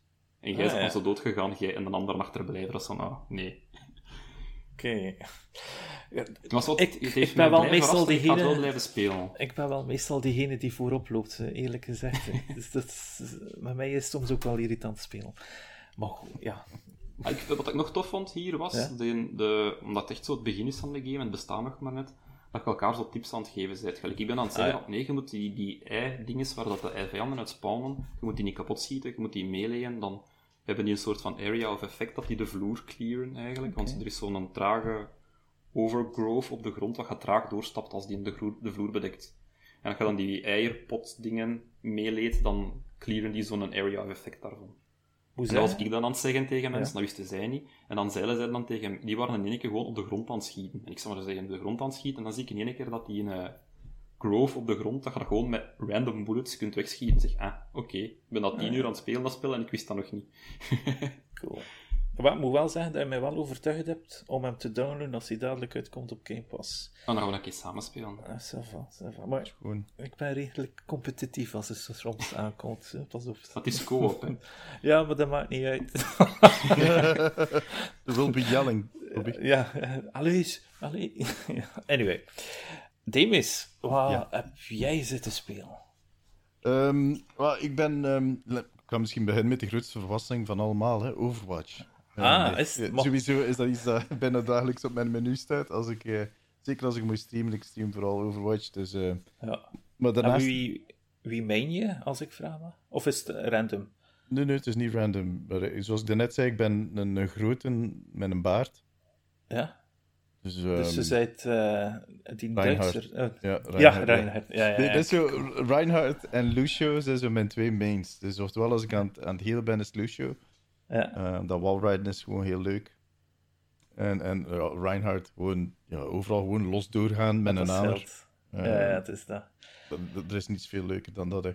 Als ik DPS speel, zal het al vaker eh, Cassidy zijn. Eh, vroeger McCree, hè, die is van naam veranderd. Ja. Ehm, of ehm, ja, Soldier misschien. Ehm, Hm. Maar goed, dat is dan zo hè, mijn, mijn, eh, mijn standaard dingen. Ik ben nu ook eh, recent met Halo Infinite begonnen. Ehm, Oh? Ja, ik heb nooit geen Halo games gespeeld eigenlijk, omdat ik nooit geen Xbox had. Ik was altijd meer PlayStation focused. Ik heb al een 360 gehad in de tijd, maar dat was het. Dus ja, Halo is een beetje naar mij voorbij gegaan, maar van ook mensen in mijn community. Er is een groep in mijn community en die zijn nu keihard gewoon alle Halo games aan het doorspelen momenteel. Ah, En die streamen dat dan op Discord en dan zit ik mee te kijken. En dacht van, ik ga toch die Infinite een keer proberen. En dan geïnstalleerd en ben echt hooked. Mijn Battle Pass zit intussen naar level 54 of zo. Ehm, ah, ja. ja. Cool. Dus ik amuseerde mij enorm hard mee. Ehm, Speelde ranked of speelde... nee, voorlopig, eh, voorlopig is het gewoon... eh, maar ik ben nu ook aan het denken om eh, een van mijn streams... om toch zo, ik probeer de donderdag zo wat te wisselen en keer iets anders te spelen en toch wat heel te spelen met mijn community. Misschien een keer met een paar mensen ranked eh, aan te gaan. Ehm Oké, want ik... zien. Ik, ik, ik, eh, oh, ik kan weer stoeven, hè. En mijn vriendin had dan weer luisteren en zei, "Uit- uit weer moeten zeggen? Ja, ik het weer moeten zeggen. Ehm, ja, ik heb net, ik heb net de hoogste rang behaald verleden week. Nice. Dat is zo de, de, de allerhoogste rang. En dat was wel... eh, En heb je dan eigenlijk nog reden om te spelen, als je die hoogste Nee, ik heb, ik behaalt heb het al een week niet meer gespeeld. Nee, het is echt, ik heb echt een week al niet meer gespeeld. Ik ben blij dat ik er vanaf ben. Ja, dat was speelt op van PC of op, eh, op console?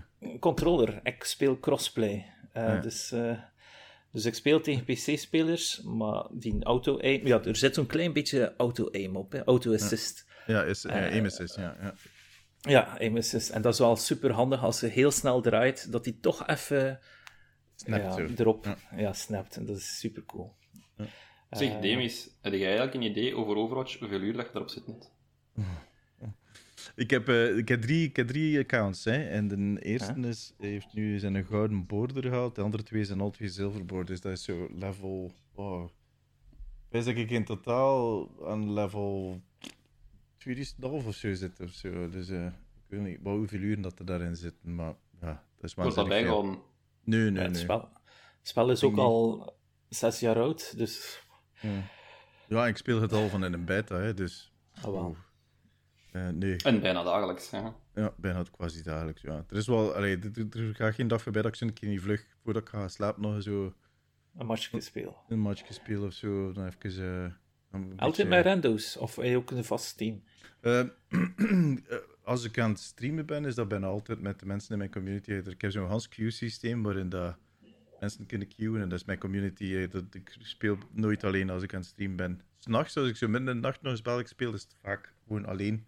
Ja, En dan is dat ook goed, want ik heb het ook gewoon soms zo nodig om op mijn eentje. ehm allee, ehm, te ragen. Of dat te- kan ik de knop ook uitzetten, hè, want je zit op een of andere manier altijd wel aan het babbelen en te kleden en het doen. Ja, Dan ja. dat gewoon even af. En dan ben ik gewoon aan het knallen. ja, nice. En dan uh, een andere game die ik nu nog aan het spelen ben, en waar ik mij enorm hard mee amuseer, waar ik jammer genoeg niet genoeg tijd voor heb, omdat ik, het is niet zoiets dat je heel snel even oppikt, is uh, Guardians of the Galaxy. Um, echt een enorm goede game. En ja. ik vind het enorm leuk om te spelen, die, die verhaallijn doorspelen, uh, de humor die erin zit, de gameplay. Het ziet er enorm mooi uit. Ik speel het op PC en... En die muziek ja, en nog wat. het geheel is gewoon... In het begin had ik zoiets van... Ah, Guardians of the Galaxy, we kennen ze intussen nu van de films en we weten nu hoe ze eruit zien. En gaat dat... Je vergeet dat gewoon nog 10 minuten. Ja. Niet per se de acteurs in de film vergeet, maar je, je bent gewoon zo diep mee in die karakters en wie dat ze zijn dat dat je geen, uh, geen, geen, geen beetje meer meespeelt. En het is gewoon zo leuk. Het is echt lang geleden dat ik zo'n singleplayer game had waar ik mij zo mee amuseerde. Het was een van de leukste verrassingen van vorig jaar eigenlijk, want eigenlijk werd er niet heel veel van verwacht op voorhand door nee. de andere Marvel. Ja, die andere Marvel game, heb ik ook geprobeerd en daar was ik wel door teleurgesteld. Dat Avengers. Zo, ja, dat is echt zo ja. quick, quick action hell. Zo van, serieus, maar ik gewoon een keer gewoon wat spelen in plaats van gewoon te proberen op tijd op knopjes te rammen. Um, en ook zo, ja, dat was totaal niet hetzelfde. Dus ik had ook een beetje mijn bedenkingen bij Guardians. Maar dan toevallig op de stream terechtgekomen dat iemand zat te spelen. Ik dacht van, nee, damn, dat ziet er toch anders uit. En ja, uh, het uiteindelijk gekocht en er geen minuut spijt van. Bij mij staat het downloaded, maar ik moet het hoger in mijn to-playlist zetten. Ja. Denk ik altijd. Ja. Ik ging zeggen, zo van dat soort games zijn zo, weet je, je moet daar de tijd kunnen voor nemen. Je moet dat echt zo kunnen Consumen. Consumen, ja, en dat maakt dat niet uit. Ik, bijvoorbeeld, hey, dat gaat nu vrij raar klinken. Nee, ik denk dat sommige mensen mij misschien een, een stilo naar het hoofd gaan smijten. Maar ik heb nog altijd The Witcher 3 niet gespeeld, omdat ik zoiets heb van, kan wel een keer te komen, de moment dat ik zo... Hoe lang is dat spannend al uit? Ah, ik, heb die, ik heb daar twee versies van liggen. Zo de standaardversie, en dan had ik nog een keer die versie met alle DLC bijgekocht op Xbox, is het altijd nog een plastic niet. We hebben een excuus, hè. Ze, gaan, ze zijn bezig met een PS5 of Xbox Series X versie. Ik weet dus, het, maar... Dus we, kunnen dat excuus gebruiken. Ik heb ook vijf minuten opgestart. De drie, ik, ik pak een paard. Iemand pakt Ja. mijn paard af. Ik heb het afgezet. Ik heb nooit mee gespeeld. Ja, natuurlijk wel terecht. Ik- mijn paard. Ja. Als je paard beginnen pieken, dan stopt het ook gewoon. Hè. Ik ben zelfs niet verder gespeeld dat als die, die openingsscène in die een toren. Gewoon een keer van, hoe zit dat in elkaar? Hm. Want digitaal heb ik het ook staan, blijkbaar. Ah ja, oké. een keer in de sale Dus ik heb drie keer The Witcher hier in huis, allemaal op Xbox, en gewoon niet binnen spelen. Voor mij is The Witcher 3 altijd een game geweest met, met een benchmark game. Dus eh, aan alle jaren dat ik het al in mijn Steam library staan heb, heb ik het waarschijnlijk al twaalf keer opgestart. Maar iedere keer dat ik een nieuwe grafische kaart gekocht heb of zo. Ah, ja. Ah, hem dan een keer even kijken, wat, hoe, om The wat Witch kan een keer starten.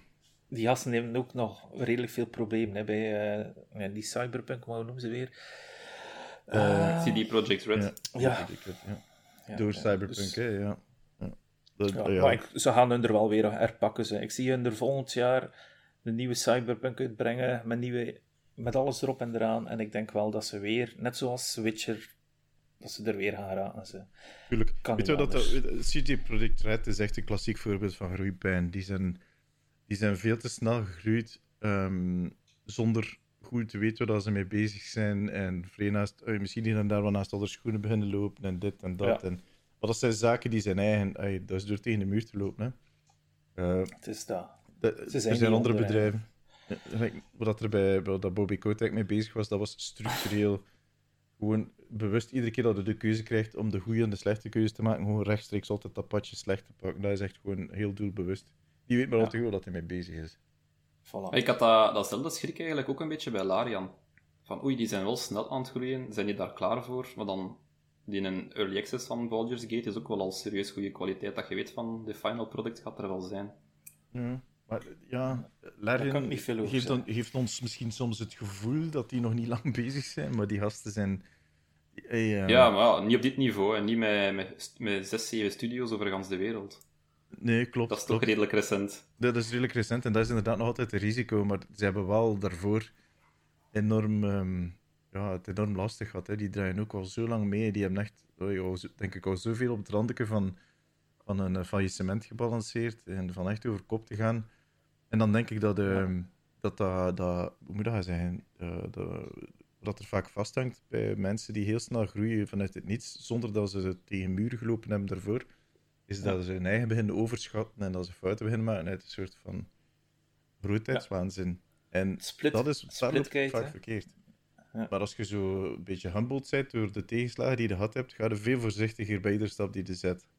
Dus Ga je twee keer nadenken en ga je iedereen die de aanneemt gewoon tien keer uh, uh, door de, voor tien gesprekken binnenhalen voor die, zeker voor die kritieke posities. Allee, het gaat toch op een andere manier gebeurd zijn, denk ik. Het, het kan nog altijd.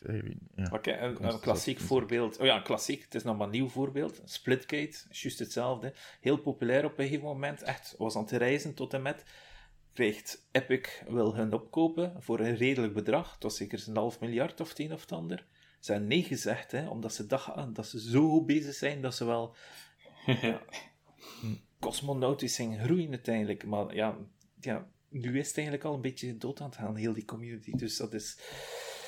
ja. Hoe rap het dat, dat kan gaan uiteindelijk, hè? dat is echt niet te doen. Hè? Dat is... Ja, en het is voor die mensen zelf ook... Uh, want ik kan me zo voorstellen, als je zo, voor zo een, eh, als je zo aan tafel zit met een Epic en je krijgt dat bedrag voorgeschoven... Um, en nog durven te weigeren. Ja, maar ook, hoe, hoe komt het tot op dat punt om te weigeren? Dat, dat, dat komt ook vaak door mensen die je dan adviseren en die ja, en duwen en trekken. En... Ja, ja, dat is Het is niet evident, denk ik. Ik, denk, hey, uh, allez, ik weet dat uh, op het niveau dat wij al spelen, is dat soms niet evident. Ik kan me voorstellen op dat niveau dat dat nog een ander verhaal is. Ja. Als je kijkt naar wat wij doen met Force, Force is een fonds van 15 miljoen. Als wij onder ons gedrieën, als ze zouden zeggen tegen ons van uh, eh, 15 miljoen, kun je er iets mee doen, we, geven al, we stoppen al drie mee werken en we gaan gewoon uh, ja. de dag aan de naap gaan uit. Maar 15 miljoen binnen de context van een bedrijf, of wat dat wil mee gaan doen, eigenlijk als fonds is dat nog vrij klein. En uh-huh. als je dan gaat kijken wat dat die allemaal mee, hoe dat zo hoe dat een bedrijf, zoals een Larian of daarboven, waar dat er daar van middelen doorgaan en waar dat er daar van geld eh, rondgaat en hoe dat, dat, hoe dat, dat dan als mens moet proberen te vatten en hoeveel mensen een job die ervan staan. Hey, het is allemaal vrij complex, denk ik. Eh, voor ons als buitenstaanders komt het soms zo over van... Ja, waarom, doen, we, waarom? doen ze dat ja, niet? Waarom? Ja. waarom hebben ze niet de verstandige keuze gemaakt, terwijl dat intens soms uh, moeilijker Veel is? Veel moeilijker is. Ja. Ontbreekt ons soms aan nuance als we van de buitenkant kijken, hè, wat dat logisch is. Nee, je, je bent niet betrokken in alle details, maar... Het is, soms, het is, het is echt wel complex. De gamesindustrie en gamesbedrijven zijn gewoon heel complex op zich, omdat het is allemaal zo passie alle mensen die er werken zijn zo gedreven voor hetgene dat ze doen. Zijn zo'n overuren kloppen tot in het oneindige, maar dat is ook niet gezond. Dat mag ook niet, dat is ook niet de bedoeling. Uh, ik denk dat we daar ook vanaf moeten van uh, al dat, die, die Pas op, het, altijd van die solo game devs die het doen. Ja, daar je altijd hebben. Hè. Dat heb je in iedere technologiebranche. Ja. Uh, start dat altijd vanuit, als je kijkt naar die Hansen nieuwe beweging binnen VR, al die VR-headsets, dat is allemaal zo gestart. Of opnieuw gestart. Uh, alles, hè? Ja, Tim Cook in zijn garage, of weet ik veel. Ja, ja, voilà. En die gast heeft daar ook overuren gedraaid tot en met om dat gedaan te ah. krijgen. Maar dat is, dat is, zo, dat, dat is een ganz ander niveau. Bij de gamesindustrie wordt er om de duur verwacht, eh, of toch bij veel van die bedrijven werd er om de duur verwacht van... Um, als je geen overuren klopt, dan werkt hij niet graag en dan zeg je geen, uh, ah, geen goed deel van ons team en dit en dat. En dat is een mentaliteit die niet haalbaar is. En, en er zijn zoveel van die zaken, omdat het nog een zo jonge industrie is, dat een, een groep van heel passionele mensen is, maar dat ook producten zijn die we maken die heel persoonlijk geïnterpreteerd kunnen worden. We zijn, niet, we zijn geen app aan het maken om u, um, om u, om uw visvoeder mee te tracken of zo. Ja. Of, je, bent, je bent verhalen aan het bouwen, je bent ervaringen aan het maken waar dat mensen elkaar zullen vinden, waarin dat de uh, verhalen vertelt die mensen zich binnen er zijn games die ik gespeeld heb, gelijk doordat hij net zei, die RTS van Dune. Ik heb me daar zo mee geamuseerd. Hij is zo vormend geweest voor wie dat ik als gamer geworden ben achteraf. Hij heeft zoveel bepaald van, wie, van de games die ik daarna gespeeld heb. Ehm, dat is een impact die niet te onderschatten is. Als je al die dingen in één grote pot smijt... Dan, dat is wie dat je geworden bent. Hè. Dat is... Ja, ja, dat en dat is voor veel mensen zo. Hè. Maar ja, dat zijn dan de soort producten die, die, die gemaakt worden in de gamesindustrie en waar dat het dan nog een keer enorm veel geld rondgaat dat, dat is gewoon uh, volatiel. Ja. Uh al die dingen die nu gebeuren, dat we die allemaal naar boven zien komen. En alles wat vandaag gebeurt is 75 biljoen, uh, miljard, sorry. Ja, nee, 60 of, of 70. Ja, het, was, het is een on... Ja, we kunnen het niet voorstellen hoe groot dat bedrag is. Heeft ons 7 miljard of 70 miljard... Het is, het is hetzelfde in feite. Uiteindelijk... Ja, En als we het allemaal in eurocentjes betalen, dan zijn het toch wel redelijk bezig. Ja, het is allemaal cash, hè, trouwens, wat aan Microsoft gegeven is. Het is Ja, niet overgeschreven of zo. Het is cash. Dus zijn die reserves. Maar ze moeten uitgeven, hè, want deflatie, en vooral op zo'n bedrag, hè, dat is veel, hè. Dat is echt, dat is miljoenen dat ze verliezen, hè, door de deflatie van, van, van hun miljarden die daar liggen. Dus, dus geld wordt minder waard. Dus ze moeten het uitgeven. Hè. Uiteindelijk, anders, anders ja, wordt het geld minder waard. En daarom moeten ze uitgaves doen. Ehm, dus Maar ik denk, dat dat ook wel Microsoft- reden is waarom dat ze het naar 2023 doorgestuurd hebben nu. Zo. Ik denk dat nu wel eh, een aankoop is waar ze wel denken van oké, je moet eerst wel geld op potten nu. Ik denk eerst wel nog- dat ze nog eh, altijd niet klaar zijn. Ze. Nee, nee. Ik denk dat dat de reden ook is dat, eh, dat naar 2023 ja, dat, dat, dat dan Ah. pas rond gaat zijn. Naast het feit dat het nog goed goedkeurd moet worden. Hè. Maar volgens mij is dat een deal waar dat ze al een paar jaar aan het werken zijn. Ja, Ehm, juist like Bethesda geweest. hè. Ja. En, eh, Ik en- denk en- ook, er zijn nog altijd geruchten in de, van de leakers, is dat ze de, de, de westerse tak van Square Enix gaan afkopen. Omdat, we hadden daar net over Avengers, die game, Marvel's Avengers, die heeft niet goed gedaan. Hè. Maar dat team is nu wel aan het werken aan de nieuwe Joanne Dark eh, game, dus eh, Perfect Dark. Dus dat team heeft Microsoft gehuurd om te werken aan die game. Naast hun eigen teams. Hè. Dus, dus dat is wel vrij frappant dat dat gebeurt. Dat ze Guardians zelfs niet meer ondersteunen. En dat dat team gewoon ontrokken is van Square Enix om daaraan te werken. Dus dat is vrij interessant. En Square Enix, die, die, die hebben niet graag die westerse tak. Dat zie je ook in hun berichten dat ze naar voren sturen van ja, we waren teleurgesteld in de verkoop van... Vroeger was Lara Croft, toen was het Hitman. En, en die zijn allemaal ja, min of meer vertrokken eigenlijk. Dus ik denk Ja. dat ze uiteindelijk heel die westerse tak ook nog gaan verkopen is bij Square Enix uiteindelijk.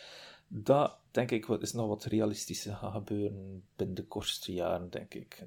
Ja, of dat Microsoft gaat zijn, dat is misschien... eh, Ja, dat is waar, maar er zijn weer zo van die mannetjes al geplaatst. Ik al gelezen van, zoals dat ze met Mike Ibarra hebben gedaan, die eerst bij Microsoft zat, zijn dan, dan naar eh Blizzard gestuurd. En nu is hij weer getrokken naar Microsoft. Zijn er ook zo van die mensen al bij eh, de westerse tak van Square Enix geraakt. Eh, en vooral namen bij de Guardians team. Hoe noemt dat weer? Dat is Crystal Dynamics. Dus dat is niemand zo'n kleine naam. Hè. Hebben ze Mikey Ibarra teruggeroepen? Mike Ibarra Nee, is terug, Mike hè? Ibarra is gaan werken bij Blizzard. Ja, die is lead. Die, is nu, die staat aan het hoofd van Blizzard hè, nu. Ah ja, Ja, en ja. dus nu, maar die was van Xbox en nu zien terug bij Xbox dan. hè. Ja. Ah ja, zo, op die manier. Ja, Ja, ja, ja, Onder ja, het, ja. voet- Nee, nee, onder het dat- voetje van. Want Ja. het was vandaag eh, welcome back, hadden ze een paar keer gestuurd. Ja, Ja, Ah, ja, is dat? Oké. Ja. Ja, ik denk niet, nee, ik dacht echt dat het bedoelde dat, er echt, eh, nee, dat, dat hij terug bij Microsoft zelf wel gaat werken was of zo. Nee, nee, nee. eh, nee. Heeft, ah, maar nu wel even weer, in feite. Oh, ja, ja, nee, uiteindelijk wel. In juni 2023 wel, ja. Dat Ja. de payroll. Dat is wel nog lang, hè. Juni 2023, pas op. Hè. Ja. Dat is nog anderhalf jaar. Ehm, nog even over die... Ja, misschien moet ik nog even zeggen wat ik zit te spelen. Hè. Heel kort. Spelunky 2. De eerste vond ik fantastisch, maar ik was jong genoeg dat ik er hele dagen, uren kon aan spenderen om hem uit te spelen. Nu lukt het mij niet om door de eerste biome te raken. Dat is echt verschrikkelijk. Ik heb daar nu vijf dagen al zitten spelen, dat lukt me niet zo goed meer. Ik ben niet zo geduldig niet meer. Het is echt lastig. Spelunky is zo'n 2D game en dat was de, een van de eerste games die zo eh, gener- eh, AI-generated rooms maakte. Dus we Ja, wisten- Dick dus- Duggar-achtig dingen. Hè. ja, en ook een beetje Dick Duck, dus je moet naar beneden gaan om het poortje te vinden om naar het volgende level te gaan. Heel eenvoudig spelprincipe, heel, heel moeilijk, vol met traps en slangen en bevertjes en weet ik veel wat. Het is vrij lastig. Het maar drie, eh, vier levenspuntjes, dus als ze vier keer geraakt zijn, is het weer opnieuw en altijd opnieuw. Het is echt super moeilijk. Oeh, het is, het is dan bekijken, maar ik had er me iets anders bij voorgesteld. Ik dacht dat echt zo meer Steamrolled Dig-achtig graaf u naar beneden was, maar dat valt precies nog wel mee. Het is Nee, nog nee. iets meer... Spelunky is echt Platforming. een platformer. Ja, ja. Ja. Het bommetjes, maar ook maar een limited amount en dit en dat. Dus we moesten altijd heel goed timen. En het is altijd anders. En dat maakt het zo moeilijk. Ehm, En dan Aliens Fireteam Elite. Heb ik samen met mijn vriendin zitten spelen. Ik had niet verwacht dat het third-person shooter was. Ik dacht dat het een first-person shooter was, maar het is maar een third. Zoveel te beter, want ik speel eigenlijk soms liever eh, third-person shooters. Vrij cool. Ja, ik vind het wel tof om een keer eh, Aliens te spelen. Die vorige de Alien game, Alien... Col uh, allee, Robbie. Alien... Colonial Marines. Ja, die was super.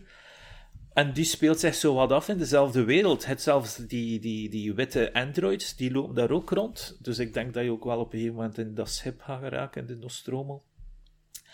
Um, ja, het is cool. Het is, ik vind het wel vet. En, oh, ja, die aliens die allemaal komen. Het, het zijn zo de verschillende aliens. Hè. Ze hebben zo allemaal die naam. Dog alien, cow alien, een warrior alien. alien. Ja, ah, maar ja, dat was, dat was vroeger in de films. Hè. Dat was in Alien 3, of was dat 2?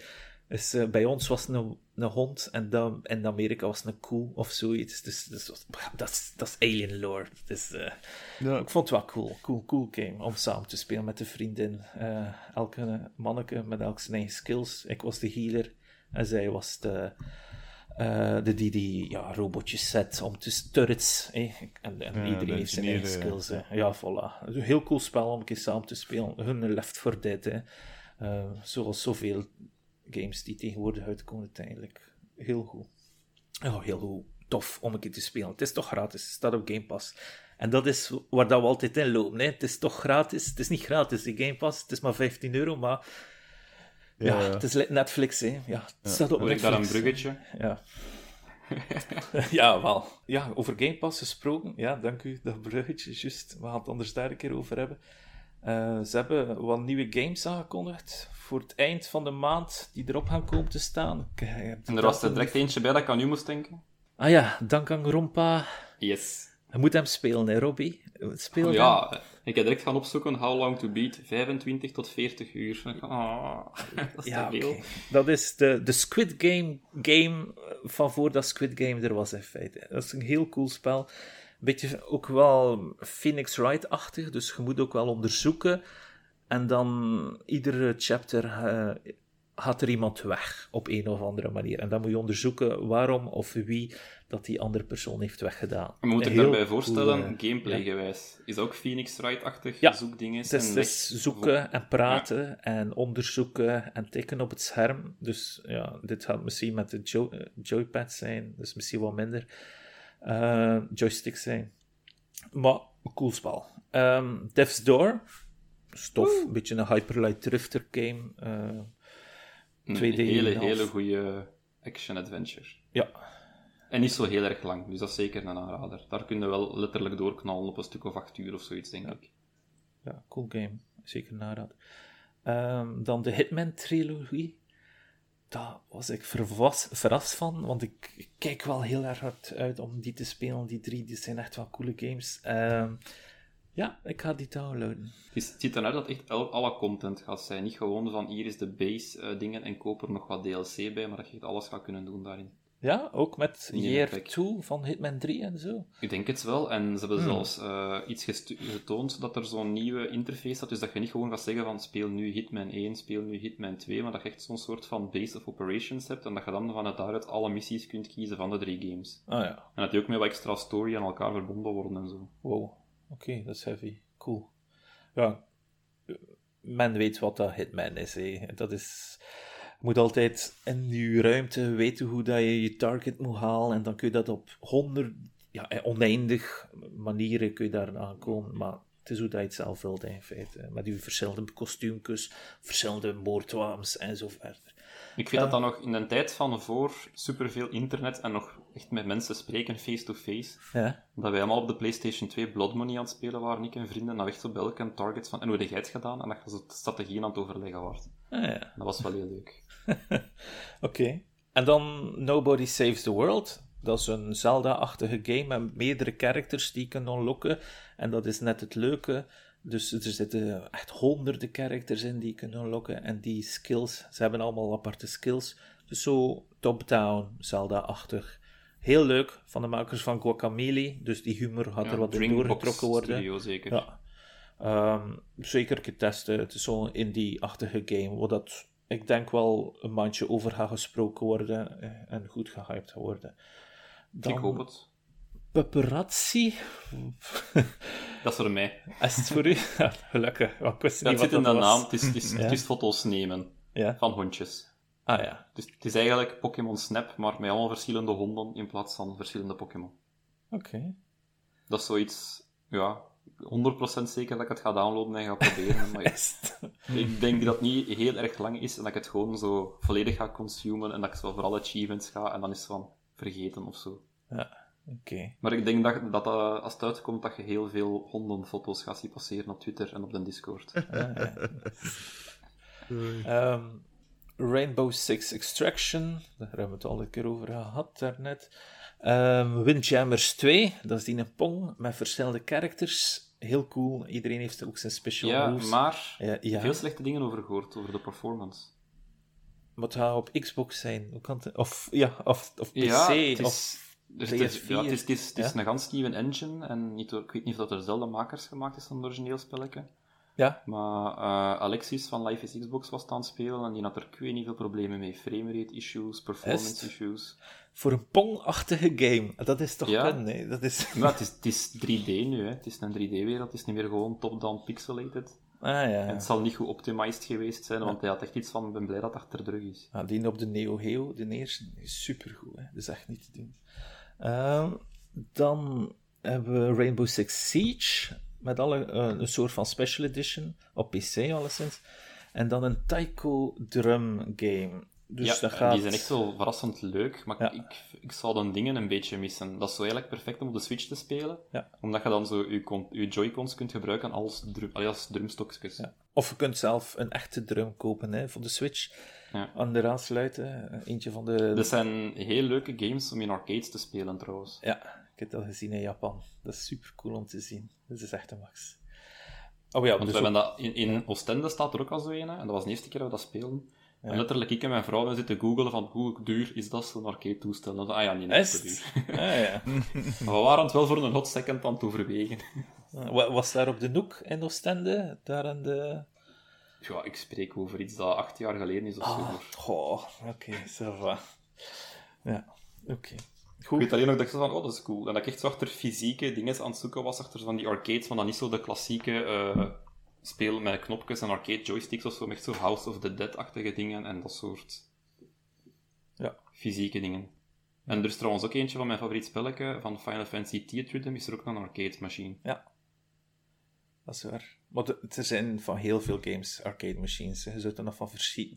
Ik Ja. heb er zelf gezien van, van eh, Dat leeft nog. Pac-Man, Space Invaders. Ik heb er zelf gezien van Doodle Jump, als je dat nog kent. Dat was een gegeven moment een hype op je gsm. Dus, eh, en Cut the Rope. En oh, het is, bestaat er van alles in Oostende. Ehm dan gaan we een keer kijken wat dat PlayStation zo gedaan. Het viel wel mee. Ze zijn redelijk stil. Ehm, Veel rumors wel. ja, PlayStation zou aan een Game Pass competitor werken. Spartacus. Ja, Spartacus, ja, dat, dat, dat wisten we al min of meer, natuurlijk. Ehm, Maar dat ze wel aan het overwegen waren, gelijk van daar first-party titels en zo op te zetten. Dat was Ja. een- Ja, dat is wel interessant. Ja, ik denk wel dat dat gaat gebeuren. Ze moeten wel, hè. En, en ik zou het wel fijn vinden om oude titels nog een keer te spelen op je PlayStation. En vooral dat je je aankopen van je 3 kan zien op je 5. Dat is ook echt, echt goed vinden.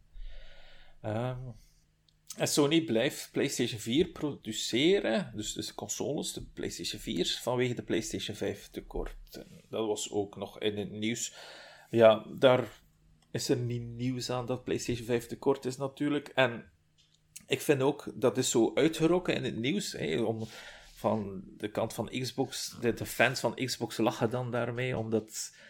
eh, omdat ze dan 2020 zeggen van, ze hey, gestopt jullie met- zeiden toch dat PS5 enkel games ging komen, maar aan de andere kant, Sony heeft altijd tien jaar bijna na datum de consoles blijven produceren. Hè. PlayStation 3 kon je lang krijgen, nog terwijl dat PlayStation 4 ook uit was. Hè. Ze hadden zelf een nieuw model op de markt gebracht. PlayStation 2, idem en, Play- en dat gaat zo verder. Dus eh, ik vind dat een beetje non-nieuws uiteindelijk. Ehm, maar het is wel ook weer zoiets wat dat mensen ja, gek op gaan op het internet. Ik Ja. kan zien. Ironisch genoeg, de vraag naar PlayStation 5 heeft ook de vraag naar PlayStation 4 een beetje gepusht. Ah, wel, het zal wel Want zijn. puur in mijn eigen contraien waren er mensen van, weet jij nu dat je aan de PlayStation 5 kunt geraken? Ja, en dat die gewoon na een maand hun geduld kwijt waren, voert ze me wel een PlayStation 4 kopen. Voilà. Het is ook de reden waarom een Series S verkocht is. Hè. Tot en met omdat, Play- omdat de Series X niet beschikbaar is. voor Xbox dan. Dus dat is juist dat.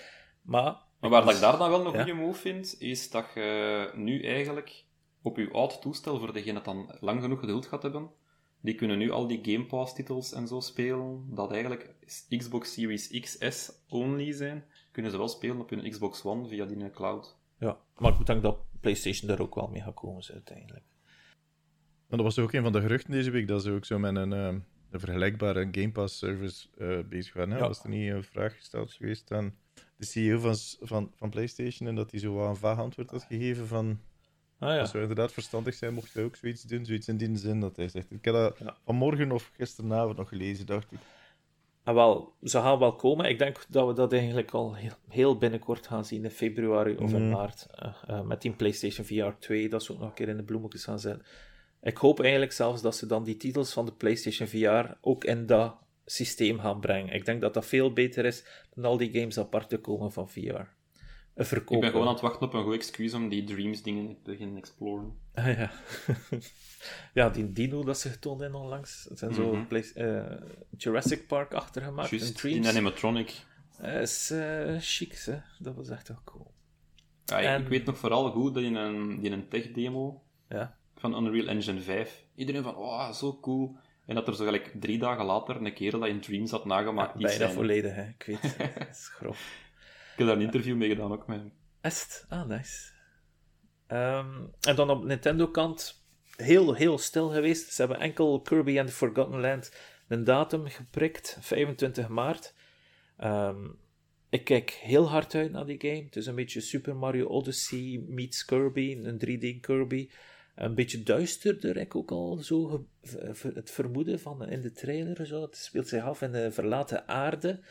Um, dus ik ben echt wel benieuwd wat dat aan de Tour op gaat gaan. Ja, ook in essence ook een game aan het spelen met een gigantisch grote cannibal dat iedereen opzuigt en dan gewoon hun krachten steelt. Heeft zelfs, hij heeft zelfs ooit een galaxy opgezogen, blijkbaar.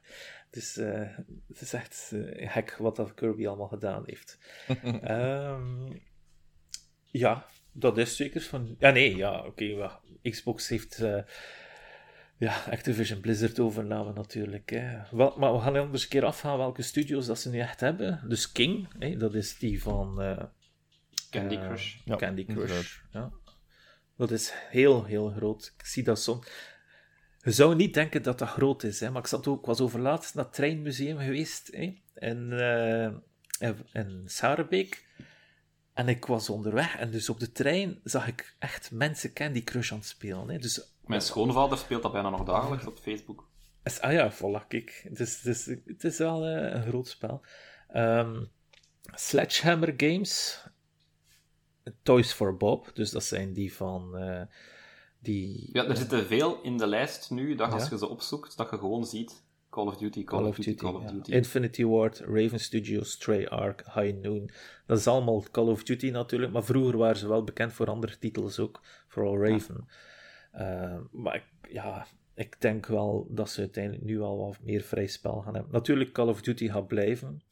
Ik weet niet wat ik daarvan moet vinden natuurlijk, maar ja, Call of Duty is de grootste seller. Hè. Dus als je kijkt naar wat het meeste wordt verkocht van games, iedere week staat Call of Duty ertussen. Hè.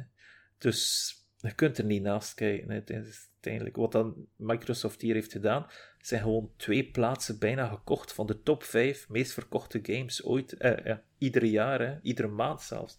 Ja, geen slechte uh, move, hè? Gewoon dank.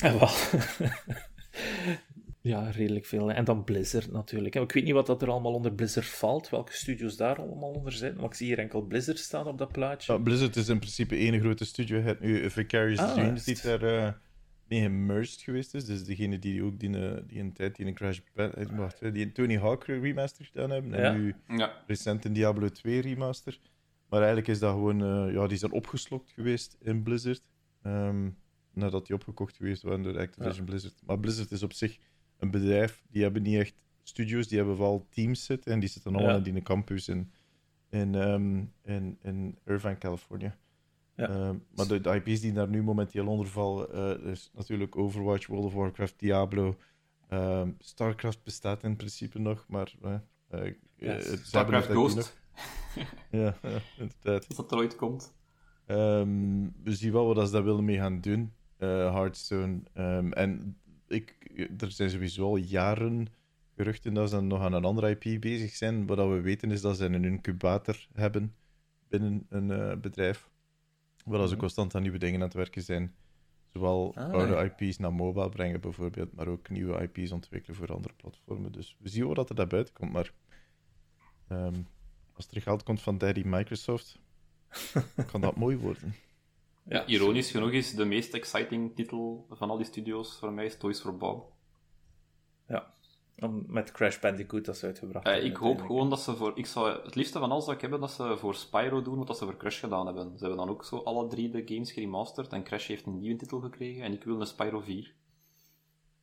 We gaan dat doorgeven aan Phil, hè? Ja, ik ga hem een berichtje sturen. nee, maar ik denk... Eh, ik heb het juist ook al gezegd, hè. Ik denk met met het feit dat een druk nu niet meer puur gaat zitten op uh, moet hier allemaal zo snel mogelijk geld opbrengen, dat al die creatieve ideeën, al die zaken die mensen in een schuif liggen hebben, omdat Bobby zei van breng mij niet genoeg geld op of kan er, niet, uh, kan er mijn boot niet mee betalen, um, dat, die, uh, dat die nu allemaal terug naar boven gaat komen en dat, dat, dat Microsoft waarschijnlijk wel uiteindelijk een beetje hetzelfde gaat doen wat ze met Star Wars en met Marvel gedaan hebben. Wat Disney liever, hè? Maar dat was in een vrije shortcut. Wat Disney normaal van de Star Wars gedaan heeft, is gewoon zorgen dat er lucht komt en, die, en dat er ruimte komt om te experimenteren en dingen te proberen. En had alles goed zijn? Nee. Nee, er gaan altijd, we gaan nog altijd klagen en we gaan altijd, maar er gaat meer ruimte komen om uh, een keer iets anders, een keer iets origineels te doen. Om de games die er nu zijn, om die goed uit te werken en niet alleen uit te werken met het oog op winstbejag, maar zorgen dat het games zijn die kunnen blijven doorgaan voor de komende tien jaar. Ja, nee, volledig mee eens. Je ziet dat je een podcaster bent. Zo goed wel bespraakt. Amai, de max. ik huil vooral voor mijn vrije tijd. Ja. Als dat allemaal Game Pass-titels gaan worden, elke keer nu gelijk ook weer van die, uh, laatste, die lijst dat we eruit overlopen, en er zitten zeven dingen tussen dat ik wil spelen. Ja, ik weet van, van mij ook. Ja, je kinderen gaan stilletjes aan beginnen opgroeien, Robbie. Uh, tegen dat die een deal rond is, kunnen ze naar, naar de universiteit sturen, gasten ja, misschien kunnen we gewoon multitasken. We loggen allemaal in op papa zijn account. Jij speelt dat spel, jij speelt dat spel, jij speelt dat spel. Telt dat ook? We spelen games als een generatie, alleen gewoon als familie. Ja. Lang dat er samen een, een, log bij van wat we gespeeld hebben. Maar tegen dan hebben ze een family plan en al die toestanden. Ik kent dat wel, hè. goed. Goed. Gaan we de bel 10 doen, Robbie? Ja, dat is goed. Oké.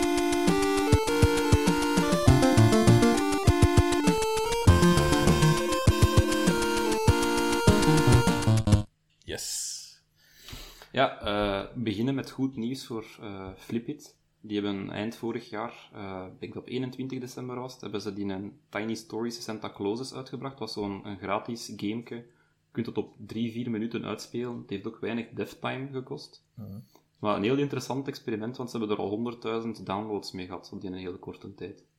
Dus dat toont wel weer aan dat het eigenlijk de moeite waard is voor zo uw studio in de verf te zetten van kijk eens wat dat wij kunnen doen eigenlijk, want nadien kun je, uh, als dan, die mensen dat dan uw studio beginnen volgen of zo, of dat uw game gekocht hebben, die gaan dan ook uw nieuwe titels aangeraden worden. En in dat concept, in die Tiny Stories, kunnen ze zelf een paar gratis releasen of zo, en eventueel misschien een paar betalend laten releasen. Ja. Dus ik vind dat wel een heel goed idee, en zeker iets dat de moeite waard is om te exploren. En uh, Heiny Rhymes, dat is uh, een dat zoveel indies retweet op Twitter en zo. Die had uh, gepost over die artistocrats in Hasselt. En ik moet zeggen dat die even uh, uit de gedachten geglipt waren. Ja. Maar die werken aan een Starship Troopers game. Z zijn zij degene die daaraan werken? Ja, dat is een, studio in Hasselt dat daaraan werkt aan die een RTS van Starship Troopers Terran Command. En dat gaat zelfs redelijk binnenkort uitkomen, dat is 31 maart.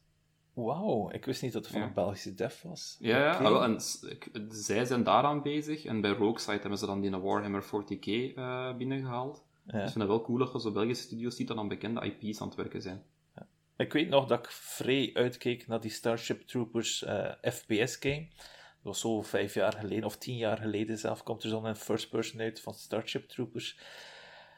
Oh, die was niet zo goed, dus ik hoop dat deze echt wel oh, goed gaat zijn.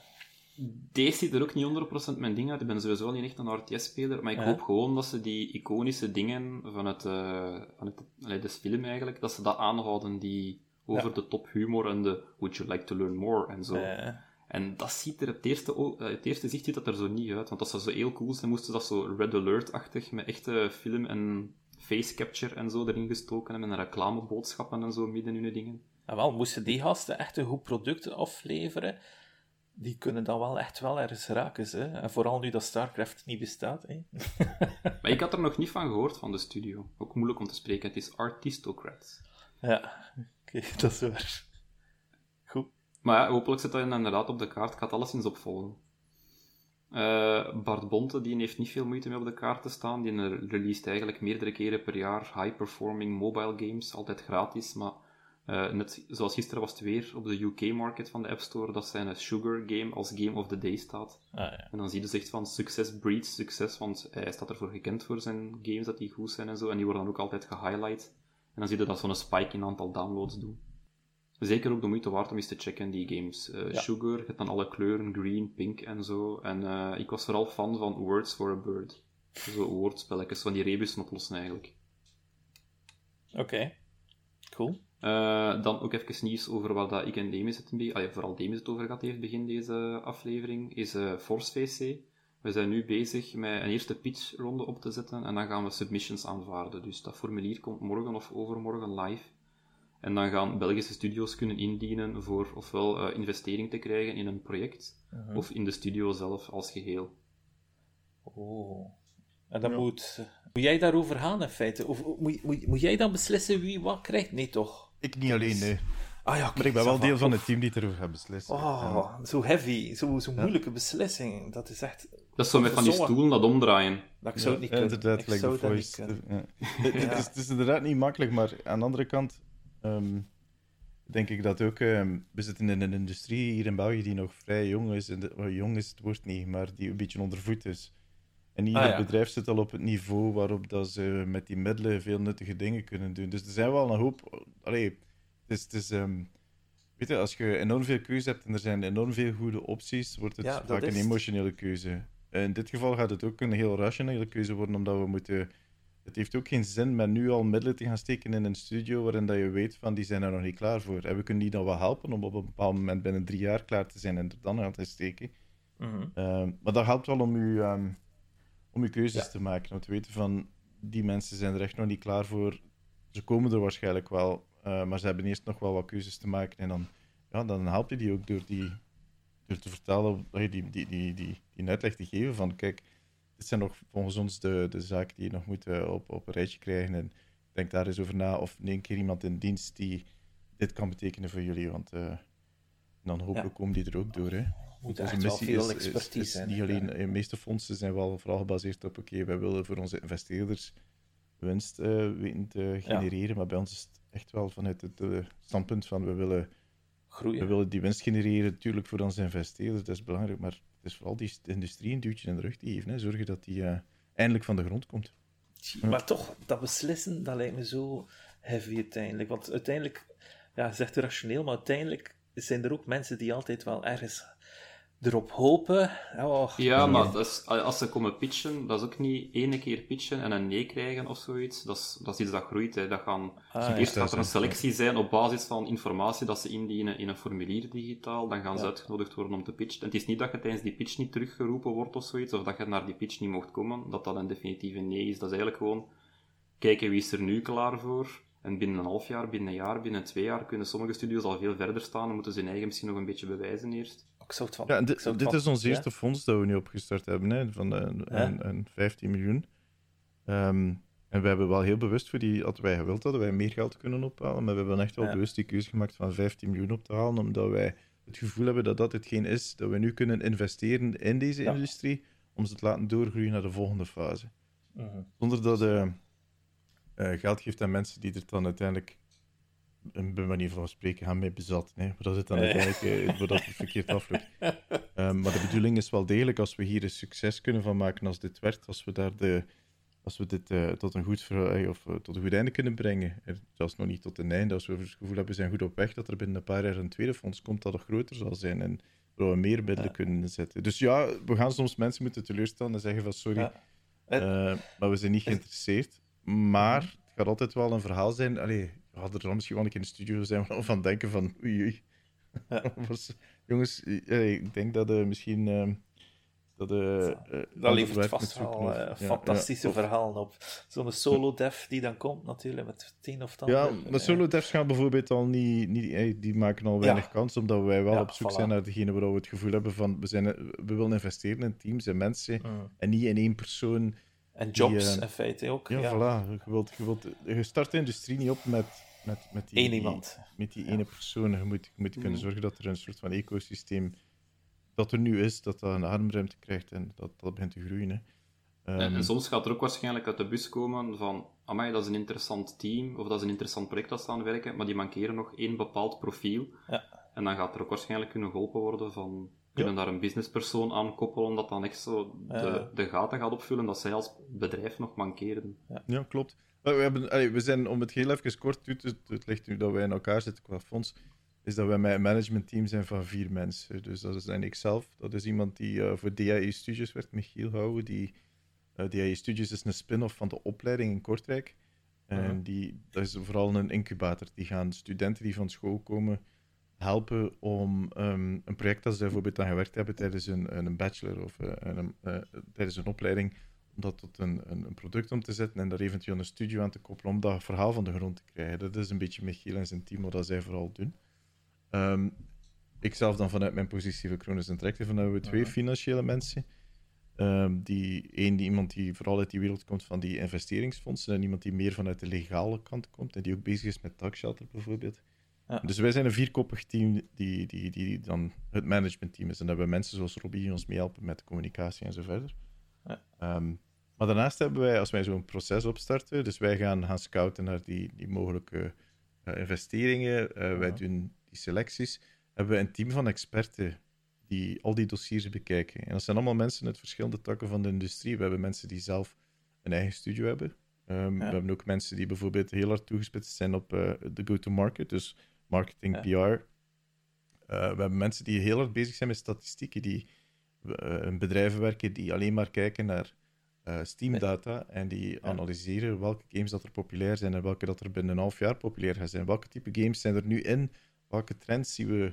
Dus op al die verschillende facetten, we hebben ook een journalist in ons uh, expertenpanel, al die verschillende facetten, gaan die mensen een, een inspraak gaan geven in die keuzes die wij gaan, of die dossiers die dan op tafel worden gelegd. En dan gaan wij samen gaan beoordelen, dan gaan wij als managementteam dat, uh, daar een keuze gaan in maken. En dan komen er nog een keer twee extra mensen bij, en dat zijn onze, onze board of investors. Dat zijn twee mensen um, Eén iemand die, die uit een, ook uit de fondswereld komt, iemand uit de industrie, die dan nog een keer die keuze gaan bevestigen. Dus we zitten met enorm veel lagen ja. die ons toch toestaan om alle facetten in de gaten te houden. En, en ja, te zorgen dat we, um, dat we de keuzes kunnen maken die, die onderbouwd zijn. En die gaan zorgen dat... Uh, Wauw. Dus het is wel een machine die eronder zit. Is, uh, een machine. Het is, het is een, een, een gestructureerd verhaal. Ja. Um, het is niet zozeer wij die gewoon op een hoop geld zitten en die, um, die dan even gaan beslissen van die krijgt wel, die krijgt niet.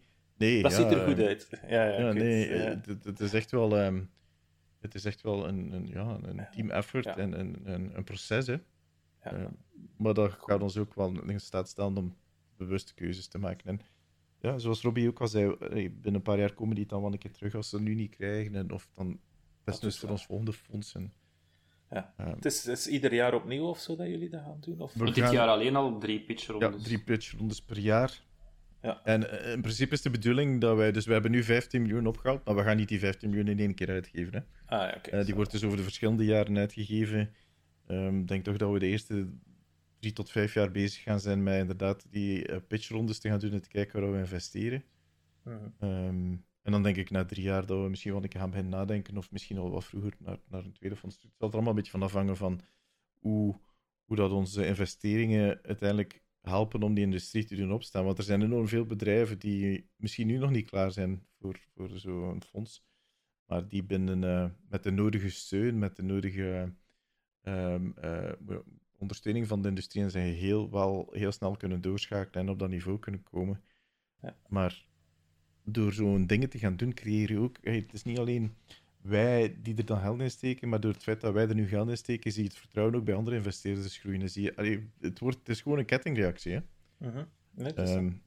en, en ja, dan moeten we zien hoe dat, dat allemaal losweekt. Uh -huh. Oké. Okay. Merci voor je expertise. Ik vond het super interessant, Demis. Dat is Ja, echt, met plezier, met plezier. ik ben blij dat ik iets kunnen bijbrengen heb. Ja, echt waar. Ik heb wat bijgeleerd over de Belgische industrie, hoe dat het daar allemaal achter de deuren te doen is, te Max. Ja, En, en uw expertise van Overwatch, ja, dat is, dat is echt geestig om naar te luisteren. Heel hard bedankt, alleszins, om erbij te zijn.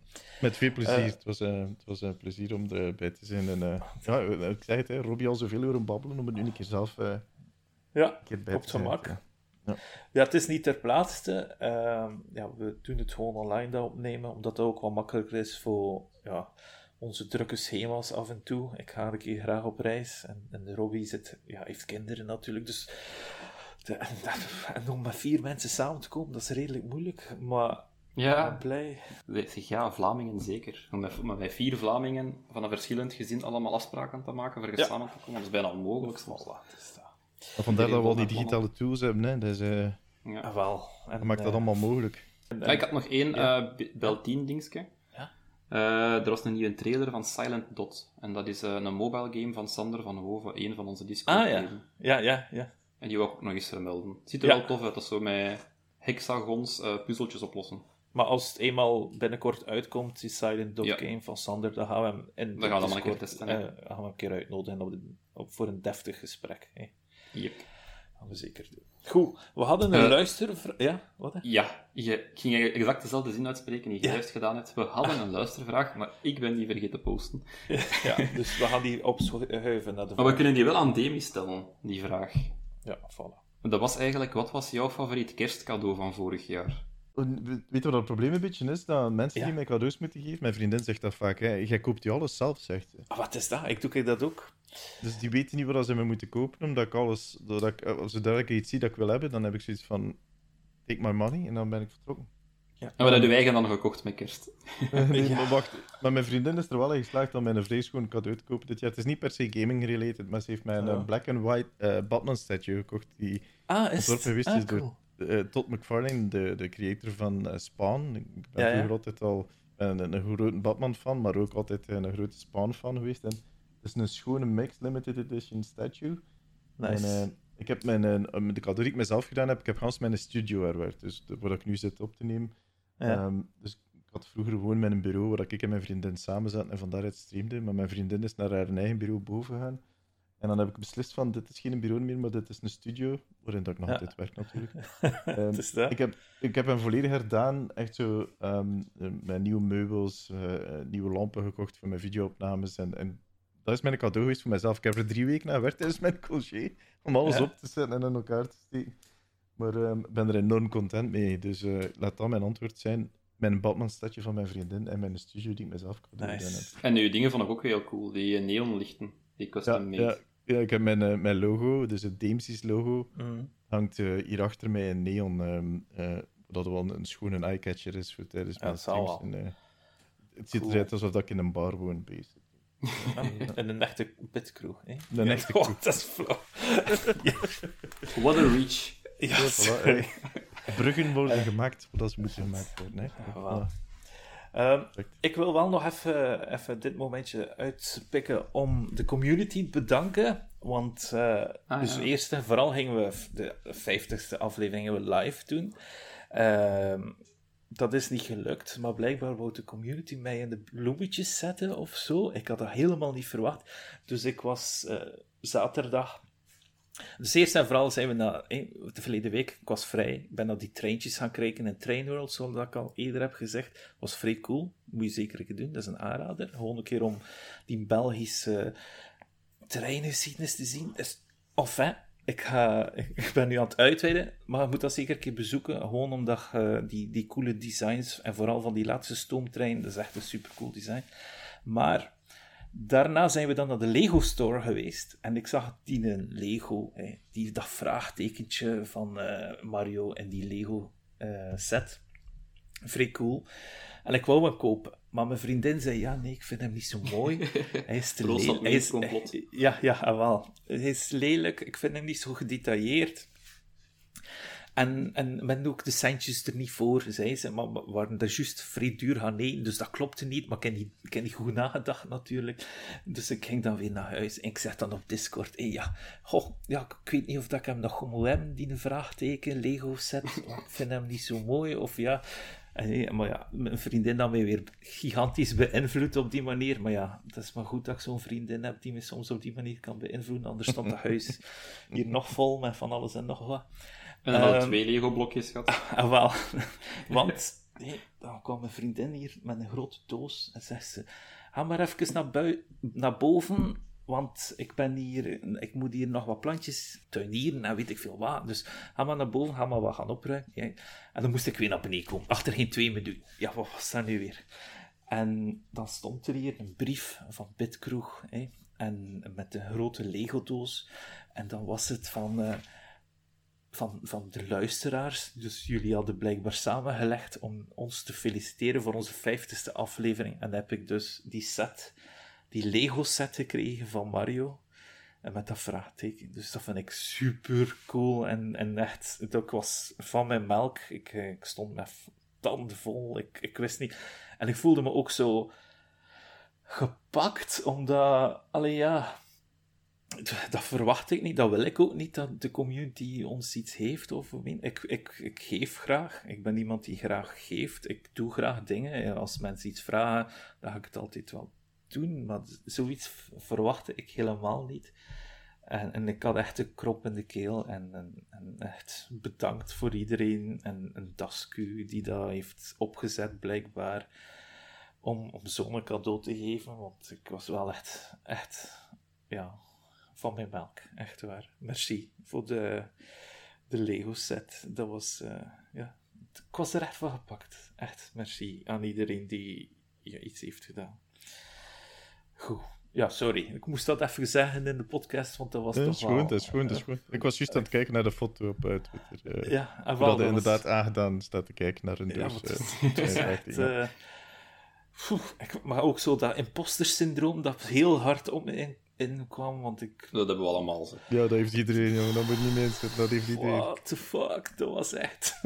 zei, nee, dat kan niet. Allee, hou. Nee, het, het dat zelf gekocht voor mij. Nee, en het was echt de hele avond door. Uh, goed. Nog Zit je al in elkaar?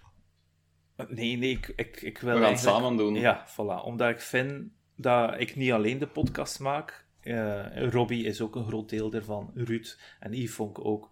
En ik wil eigenlijk dat we gewoon voor de eerste keer samenkomen en dan samen de set gaan maken. En dan daarna een live pod, post, podcast gaan Tijdens inspreken. blokjes in elkaar steken. Nee, want dat hadden horen. Nee, dat hadden horen op de micro. En die zakken die kraken omdat je zo open doet. Maar ik vind dat wel een cool idee om samen gewoon een keer te komen en die Lego-set zo op die manier in elkaar te steken. Ik denk je dat het altijd cool streamen is. op Discord, hè? De, ah, de ja. community ja, kan meekijken ja, hoe dat het in ja. elkaar steekt. Ik moet eerst nog wat kilo's vermagen, dan in feite. dat is goed. Mooi om te Goed. Um, ik was Rutter. Ik kan me vinden op Twitter op @rutterknudde. Uh, Robbie, waar kunnen we u vinden? Mij vind je overal als Bloody Good Reviews. En Dimsis? Uh, mij kun je vinden als uh, Deemsies TV op Instagram, Twitter, TikTok, overal. Overal. We gaan nu ook wel linken in de ja, podcast description natuurlijk. De tekstvormen. Yes, merci. Goed. En dan gaan we afsluiten. Dit was Bitkroeg. Je kan ons vinden op Bitkroeg, op Facebook en op Twitter en op Discord. Maar dan moet je wel even vragen voor een invite. Goed. Salut, hè. Dag.